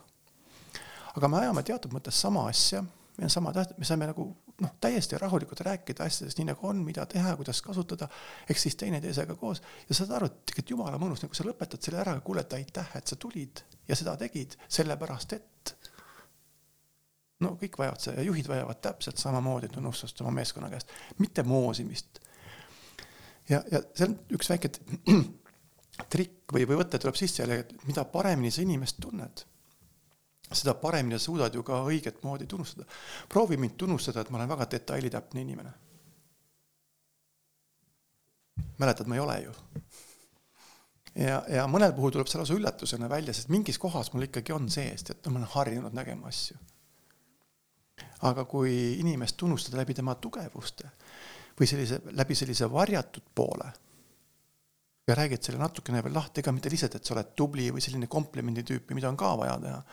aga kui sa suudad inimesele rääkida, et miks ma teda usaldan, miks ma tahan temaga koos töötada ja mingi varjatud külje välja tood positiivses võtmes, nii nagu päriselt on, aga see peabki päriselt olema ehe selles mõttes, et inimene peab ennast ära tundma.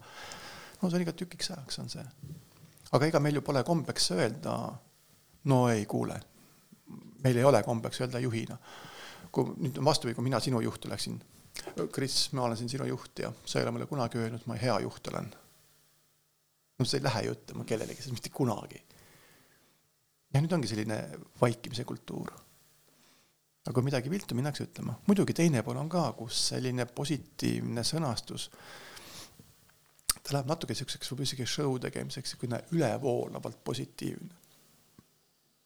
aga kas ta on päris ehtne ja aus, siiras või on ta selline väljamõeldud? Oo, sa oled nii kena. Mm, noh, komplimendina tore. aga meeskonna vaates just see, et aga miks just see inimene? et kui hästi ma tunnen seda inimest. ja, ja tänu sellele profiilile, mida me seal igapäevaselt teeme, siis noh, eile just ka kolleegidega siin arutasime, et ta on ikkagi üllatavalt täpne, noh, värbamisega mm. -hmm. Helenal, Helenal, minu kolleeg, ta läks niimoodi, et siis tema klient juhina oli kandidaadiga ära juba kohtunud. ja siis äh, küsib Helena käest, kuule, et ma kohtusin, aga Helena tegi mida, võttis sellesama Belbini profiili, rääkis selle põhjal inimesest lahti ja tema siis klient ütles, kust sa tead seda, sind ju kohtumisel ei olnud. aga see on profiilis kirjas. ja kuidas sa seda oskad? no aga see ongi see, et, et sa oskad seostada, sa oskad näha. nüüd paneme kokku, üks näeb inimest sellise päris kohtumise käigus suhtleb, küsib, nii nagu see värbamine käib või värbamisvestlus. teine pool vaatab seda olemust läbi sellise teaduse mudeli. ja kui need kokku klapivad, siis tõenäosus, et hästi hakkab minema, on ju suur. ja ikkagi mõlemad pooled peavad omaga hakkama suhtlema, üle täpsustama, mis on see hea töö, kus need tugevused on, et inimene hakkaks seda kasutama, siis me õpime ennast natukene pidurdama. näiteks arendustööd iseendaga on ikkagi pidevalt teha ja ikkagi peab üle ütlema, et, et nõrkustega kontrolli all hoida, jah, selles mõttes õppida toime tulema kindlasti, aga nendega liigselt tegelemine väga palju motivatsiooni ei anna juurde, et pigem just see üles näitud varjatud tugevus, seda arendada ja kui siis keegi tuleb, ütleb sulle kolm head sõna ka, kuule, see on sul päris heaks läinud viimase poole aastaga. tead, kuidas eestlane ütleb või? see on see negatiivne näide. noh, Kris sa ei olegi kõige hullem tüüp. viimase kahekümne aastaga on vist enam-vähem isegi natukene paremaks läinud, kui kaugelt vaadata.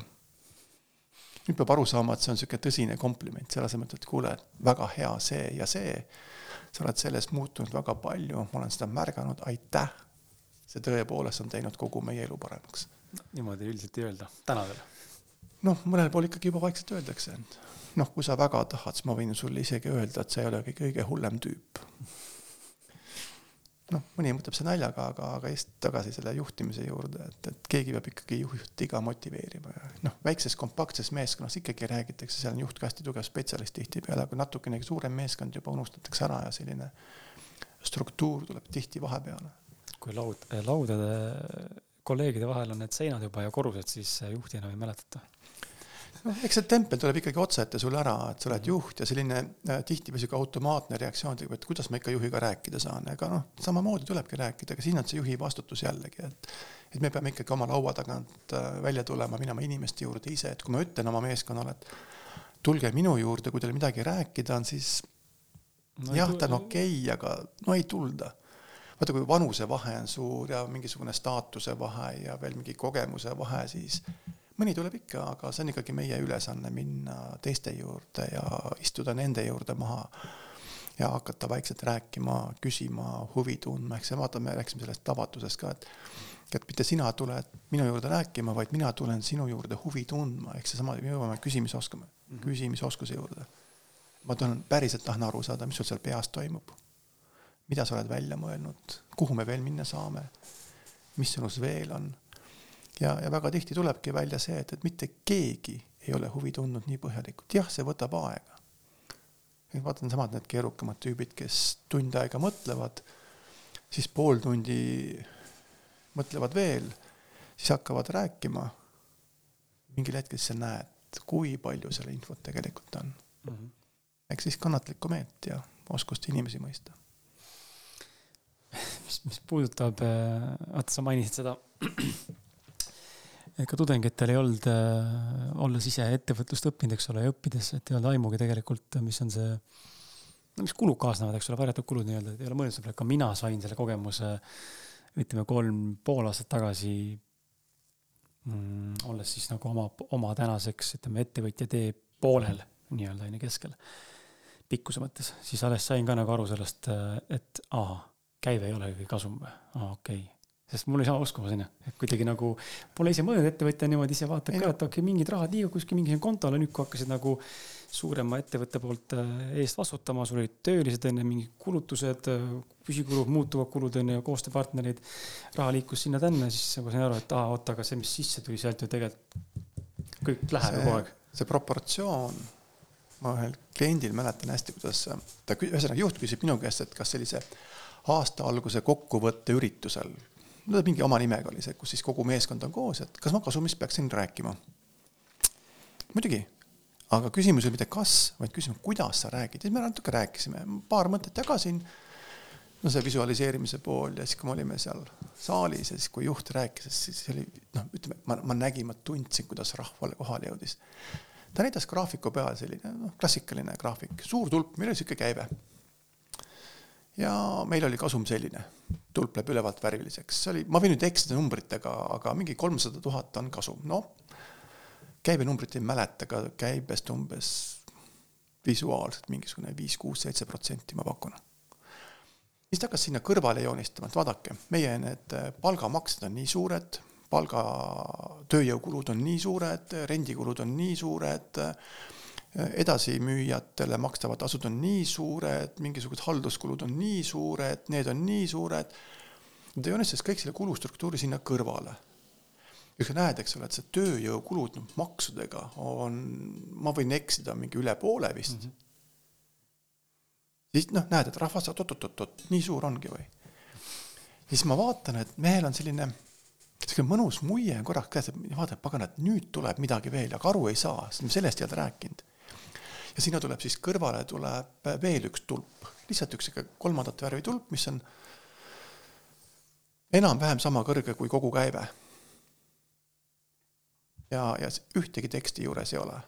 vaatab rahva peale, vajutab klõks, sinna tuleb, et kolm aastat tagasi me investeerisime selle summa, et ettevõte käima panna ja saal on vaikne, saad aru, täielik, noh, ma ei oska, mingi sadakond inimest oli, kaheksakümmend inimest. Ja terve see saal on vaikne, kõik vaatavad oot-oot-oot-oot-oot. ehk siis põhimõtteliselt kolm aastat tagasi tehtud investeering on sama suur kui kogu aasta käive ja see oli esimene aasta, mis oli kasumlik. see kolmsada tuhat on väga väike kasum. jällegi, millega võrrelda, eks ole, aga kui sa viskad lihtsalt selle numbri sinna ette, noh, kaobki see seos, kaob lihtsalt ära mm. -hmm ja see läks ikka väga hästi. ja tulebki inimestele hakata näitama ettevõtet tervikuna, kus on kasum, kus on käive, kus on investeeringud, mis kulud meil on, mis seos on meie tööl ja ka rahal. aga teine pool on see inimeste puhtalt see emotsioonide pool, et sellel asjal peab mingi mõte ka taga olema, eriti noorte puhul ka just. aga miks me teeme seda kõike, mis on see point üldse kogu lool? kust see kasu tuleb jälle, kellele? miks ma tõusen hommikul ülesse, miks ma peaksin tulema mõnuga tööle, see inglased ütlevad see purpose mm. -hmm. mis on meie eksistentsi suurem mõte? Siin on mingi tähendus peab ikka taga olema. nii et tere tulemast juhtimise maailma ja ettevõtjana, juhina on veel eriti tore, sa pead kõikide nende asjadega tegelema. senikaua läheb hästi, kuni üksinda ei peaks olema, eks sama äripartnerite teema on ikkagi, et kas sul on piisavalt usaldusväärsed äripartnerid või siis juhtkond, noh, sõltub, mis tasandil me vaatame, kellega noh, päriselt on need asjad niimoodi selgeks, et kõik panustavad teiega, just see erinevuste pool. mida erinevad me oleme, seda kasulikum see on. Ja pingutama peab ja mitte vähe, aga mõnus. ja selle pingutusest ja effort'ist me alguses natukene rääkisime ka just selle poole pealt, et äh, inimesed ei näe nagu seda behind the scene materjali ehk telgitaguseid nii-öelda, mis, mis töö ja, ja panus läheb sisse, et sinna jõuda, eks ole. et ma olen seda ka märganud, et kui inimesed päriselt seda teada saavad või keegi julgeb natukenegi anda sellise sneak peek'i sulle sinna, et näed, piilu korra siia, et see on niisugune maht umbes, mida ma olen pidanud tegema selleks, et täna siia jõuda või seda ohjeldada täna või nii-öelda hallata. siis äh, teinekord ka iseennast mingites valdkondades äh, mõne mõttes nagu ei hirmuta, aga, aga paneb mõtlema samamoodi, et issand, kas ma nagu olen võimeline päriselt ise ka tegema, et see tundub nagu väga ulme nagu samm. Need on sellised varjatud küljed, mida aeg-ajalt on mõistlik ikkagi avada, et mm -hmm. noh, ütleme koolitajana samamoodi mm.. Mis, mis sul viga on, et sa oled ju koolitaja. Ja, aga tule kaasa, eks ju, ka töövarjuks oleme, tule kaasa, kuidas käib ettevalmistamine, kuidas sa koha peal teed, ehk just see efekt, kui siin, ma ikkagi aeg-ajalt võtan ka siis nooremaid või, või siukest äh, koostööpartnerid kaasa, et mitte, et ta oleks nüüd puhtalt osaleja kliendi juures, vaid et ongi kaasas, ta nagu jälgib kõrvalt ja, ja siis ta ikkagi näeb ka, et aa, et miks sa niimoodi tegid kustkohast sa selle tulid, et kuule, et aga see oli ju see koht. et ta näeb natukene juba seda köögi pealt, kuidas see käib mm. -hmm. ja siis selle peale ma teatangi rõõmsalt, et kuule, et aga see ongi lihtne, homme jätkame nüüd teise kliendiga samamoodi. oota, kuidas homme? ma ütlesin, tead, aga homme on ju järgmine koolitus. nüüd sa pead vahepeal selle vana kokku võtma äh, uueks ette valmistama juba noh, mentaalselt kasvõi. niisama lihtne see ongi, harjutad paarkümmend aastat ja suhteliselt okei okay juba. Ja eks ta, eks ta eks ta nii ongi, iseenda podcast'i selle pluss viieaastase salvestamise juures näen sama asja, et see ongi sihuke pidev kohanemine ja see muutub ka ajaga lihtsamaks, aga see ei tähenda, et see lihtne, ma siin kunagi tegin äkki kaks-kolm aastat tagasi.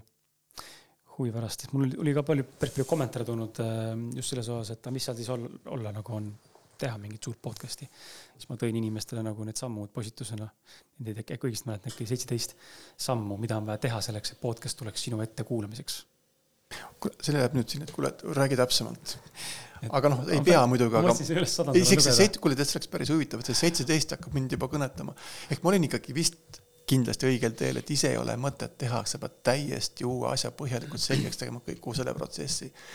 et, et pigem on see, et et äh, kui sinu teema on podcast, teeme nii, et podcast on sinu teema, minu teema on koolitus, Helena teema on värbamine ja koolitus, kellegi kolmanda teema on veel mingi muu asi mm. -hmm. et jagaks sellise kompetentsipõhiselt ära, vot nüüd see koht, kus kuule, aga õpiks omavahel teineteist mõistma, saame aru, et nendel töödel oma mingi sügavus on, õpid usaldama. no ja nii tulebki mm. -hmm.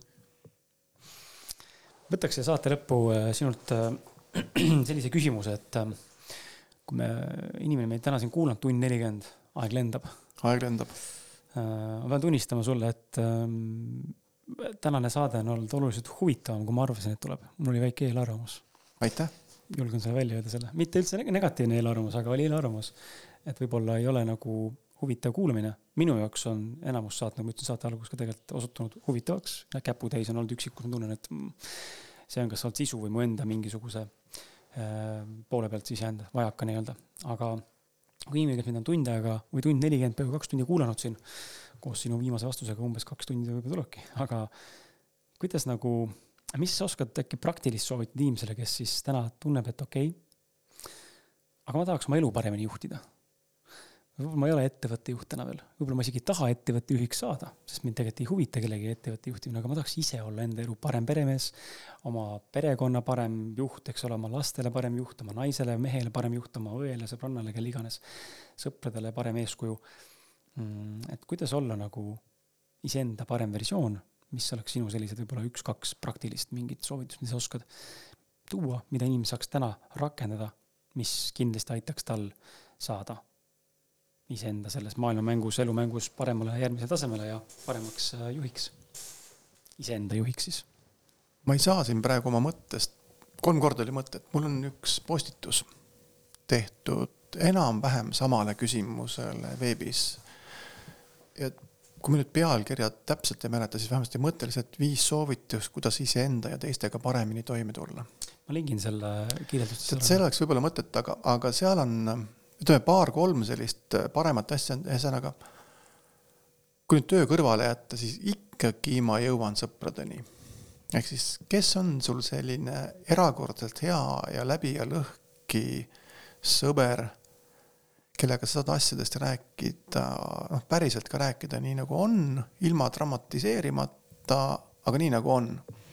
ehk siis õppida usaldama, õppida teda kuulama, temast aru saama, aga see lõplik otsus tuleb loomulikult ise teha, aga just see pool, et sul on keegi, kellega need asjad lahti rääkida kõva häälega mm. -hmm. mõni tahab rohkem rääkida, rääkimisel mõtleb, mõni inimene võib-olla tahab rohkem mõelda, aga see sisend peaks kuskilt kõrvalt vaatajalt tulema ja siinkohal küll üks hästi huvitav näide, kuidas noh, ma ei tea, mul on tõesti vist elus hästi läinud. aga sünnipäeva pidasime ähm, Toiduakadeemias, kus ma ka koolitan hästi palju. Et meil on päeval on siis meeskonnakoolitus, sõltuvalt nüüd teemast, meeskond juhtimine, meeskonnarollid ja õhtul on ühiskokkamine. see on hästi huvitav, nelikümmend, inimesed on päev aega teemas sügavalt sees, mina, minu meeskond, juhtimine, meeskonnatöö, erinevad inimesed aga mis nüüd juhtub, nüüd antakse neile teravad noad kätte. Lähevad peakoka juhendamise sööki valmistama. Nüüd hakkab aju kaasa mängima, sa oled päev aega teemas olnud, sul on omad inimesed, aga sa süüa saad ju valmistada ainult omadega, mitte võõrastega, siis sa valmistad süüa, teed süüa, see, see päev läheb pikaks. sa näed tegelikult, kuidas äh, inimesed saavad nii mõnegi teema lahti räägitud, nii mõnegi koha peal heas mõttes rahunevad maha või saavad välja rääkida see komplekt hakkab toimima hästi, no vot ja siis me pidasime seal siis sünnipäeva mul sügisel. ja siis uus peakokk Aleksander, väga tubli mees, tegi sellise väikse rivistuse, et siis mina kui sünnipäevalaps läksin siis ühte äärde. ja siis kõik teised pidid minema vanuse järjekorras, et kes kui kaua mind sõbrana tunneb. ja siis tulevad mul sõbrad järjest niimoodi. ja siis ta küsib, et kuule, et ole hea, et, et nüüd teeme tutvustusringi, eks ole, et, et kes sa oled ja kui kaua sa Matsi tunned. esimene sõber siis, olen Raivo tunnen Matsi viiskümmend kolm aastat. kokal lähevad silmad suureks, natukene. Teine sõber ütleb, et mina olen Ardo, tunnen Matsi viiskümmend üks aastat. koka silmad suurenevad. ja kui ta siis lõpuks selle ära kuulanud, oli viiskümmend aastat, nelikümmend aastat, kolmkümmend aastat sõbrad, no seal on nooremaid sõpru ka, et, et keda noh, teadki mingi viisteist, kakskümmend aastat. siis ta ütles ka väga hästi, tead, et ma ei mäleta sõnastust, tead sa, et kui õnnelik inimene, sul on selline seltskond, sul on sellised sõbrad, ma pole sihukest asja varem näinudki. ehk mida me vajame, et keegi kõrvalt ütleb, et sul on perega hästi, sul on sõpradega hästi, sul on meeskonnaga hästi, nad näevad ära selle, mida meie võib-olla ei märka igapäevaselt. ehk siis ongi see õpi see märkamine ära ja, ja vaata neid. mööbli näide kunagi kasutasime, kliendiga välja mõeldud koos. kui sa oled harjunud kontoris mingisuguse mugava diivaniga viisteist aastat. see on diivan seal kõigest, see on mööbliese ju. nüüd ma lähen viin selle diivani ära üks päev, tuled järgmine päev tööle. Kus pagan on mu diivan, kohe märkad ju mm. -hmm. aga karm, aga inimestega on umbes sama. sa harjud inimesega nii ära, et sa ei saa aru enne, kui ta on sul kuskile ära läinud mm. -hmm. tuled esmaspäeval tööle, vaatad, kus ta on Nad on ju kogu aeg olnud siin ju. jaa, eks sa harjudki ära, aga äkki nüüd tegeleks inimesega. Sellise soovitusena vast ongi, et õpi inimest nägema sellisena, kes ta on, õpi nägema tema varjatud külgi ja räägi talle, et ongi oluline sellepärast, et tal on see, see eripärane külg sellise positiivses võtmes välja tuua. ja võib-olla siis, ma ei teagi, vaadata teadlikult või püüda vaadata teadlikult üle või mööda nendest iseenesestmõistetavatest asjadest need iseenesestmõistetavad asjad on, no osad on ju head ja tuleb mm -hmm. ikkagi rääkida, aga mõned asjad on tõesti sellised, et, et vaata sinna kaugemale, vaata täpsemalt, vaata rohkem. ja muidugi need nõrkuste nina alla hõõrumine, vot see peaks ka minema mingi soovitusena kirja, et, et see nõrkuste pidev nina alla hõõrumine, noh, mage. noh, räägi mulle, et noh, näe jälle detaili ei märka, no pagan, ma ju tean, et märkan, mul endalgi piinlik aga äkki õpiks vaatama, mis on tugevad küljed. ehk teatud mõttes, mis mõtet on kritiseerida inimese nõrkusi, kui on enam-vähem ette teada, et see väga palju paremaks ei lähe. aga kui sa räägid nõrkust, et kuule, kui sa ütled, Mats, kuule, et kui ma õigesti mäletan, et sa ei ole väga detaili inimene, kuule, aga mul on siin Jüri või Mari. ta on perfektsionist, luba, ma tutvustan teile, ma aitan teil omavahel paremini koos töötada mm. -hmm. kuule, mul on silmad särav, mul on oma isiklik perfektsionist ülišef. kõik vead, mida minu perfektsionist teeb, on tingitud selles, et ma ei ole kogu infot andnud, noh. sest ta ei eksi, ta on nii korrektne lihtsalt, et kõik asjad on korrektselt tehtud, kõik siuksed pisivead, need lihtsalt ei juhtu temaga, need juhtuvad minuga. ja leiadki endale kellegi, kes äh, suudab sinu nõrgad küljed ära täita. ja need, noh, nõrkused, mina ei tea. täna on ilm ka vesine natukene, noh, las ta olla, noh, see läheb üle ju kuule, aga kui võrdleks inimesi kui Eesti kliimat või ilma, siis vahetevahel on külm, vahetevahel on vesine, vahetevahel on soe, see läheb üle. suvi on ilus, see läheb üle. sügis on märg, see läheb üle, talv on mõnus, läheb üle. talv sulab ära, see läheb üle. aga kui sa vaatad ette, läheb ju paremaks mm. -hmm. meil on päris hea, et meil on kuus aasta aega. see on see, et äh, suvi, sügis alguse talv, päris talv, hilistalv, veel hilisem talv ja siis tuleb suvi korraks. korraks. kuule, äh, ma tänan sind. ma tänan, et sa kutsusid. selle tund viiekümnese vestluse eest. loodan, et su endal oli ka äh, põnev ennast kuulata või kuulda kõrvalt ja, ja oli võib-olla kihvt äh, podcast, kus osa võtta sinuga oli tore vestelda. sa oskad äh, suunata ilusti. ma hoian ruumi. jaa, kusjuures äh, ma üldse ei imesta, et sa inimestega hästi läbi saad. et aitäh sulle. kõigiga ei saa aga üldiselt saab hakkama. ma suudan, ma suudan kohaneda. sama siin, kui on põhjust, eks ole. ja, enam ikkagi ongi põhjust.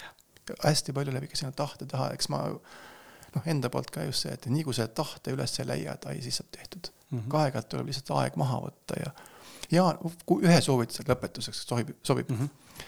ma olen praktiliselt igal pool ja alati soovitanud, olge head, kuulake, lugege Jaan Aru, Tartu ajuteadlane, geniaalne teadlane, ta on, esiteks on ta tark, teiseks oskab ta kirjutada, kolmandaks oskab ka kõneleda.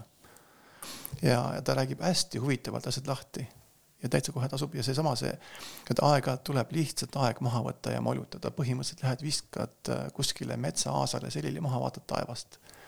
Lähed, jalutad, jooksed, äh, ei tee mitte midagi muud, vaid lihtsalt oled, aju teeb ju tööd edasi et ma arvan, et äh, Jaani sellised soovitused just nimelt, et kuidas nagu aeg-ajalt sellist äh, relax ja, ja lasta ajul teha oma tööd, et see aitab ka hästi palju kaasa, aga teda tasub kuulata, ma mingit podcast'i olen kuulanud vist, ma ei tea, kas kolm korda äkki või. nii et kui Jaan satud kuulama, siis aitäh, et sa kirjutad ja räägid, et.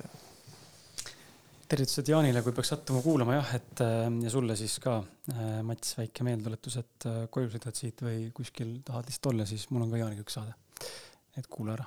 Oh, see, see oli vihje kuulajatele ja mulle ka. et kes tahab, läheb otsib üles, ma podcast nime hetkel praegu numbrit ei suuda sulle välja mõelda, kui ma siit otsingumootorisse võib-olla panen kohe. Siis ma võib-olla leian ka sulle, näed, sa jah. kuule, aga pane see sinna lingiks juurde, see viis Paneme soovitust juurde, ja Jaan Aru ka sinna juurde, et, et Jaan on tõesti respekt, et ähm, ja midagi polegi teha, sa kas lased ajul kaasa töötada või hakkab aju vastu töötama. ma eelistan, et aju hakkab kaasa töötama, ehk aju tuleb kasutada. aga aju vajab ka puhkust ja kuule, nüüd on vist aasta lõpp käes peaaegu. tõenäoliselt, kui see välja tuleb, on juba uus aasta kui tuleb välja uus aasta alguses, ma soovin teile head selle aasta lõppu mm. -hmm. just, ette juba ära. ette ära juba ja samal ajal head uut alanud aastat ka. Ma mõtlesin küll järgmist aastat juba praeguse seisuga, mis järgmise aasta lõppu soovin. just, just, aga samal ajal, kui inimene seda kuuleb, siis tal hakkab uus aasta alles pihta, eks ole, siis talle. nii et see on nüüd see, et millist ajaperspektiivi me vaatame kuule, aga väga lahe, äh, mina tänan ka sind, äh, hea kuulaja, et sa olid meiega siin äh, ilusti olemas, kuulasid, loodan, et sul oli põnev, minul oli.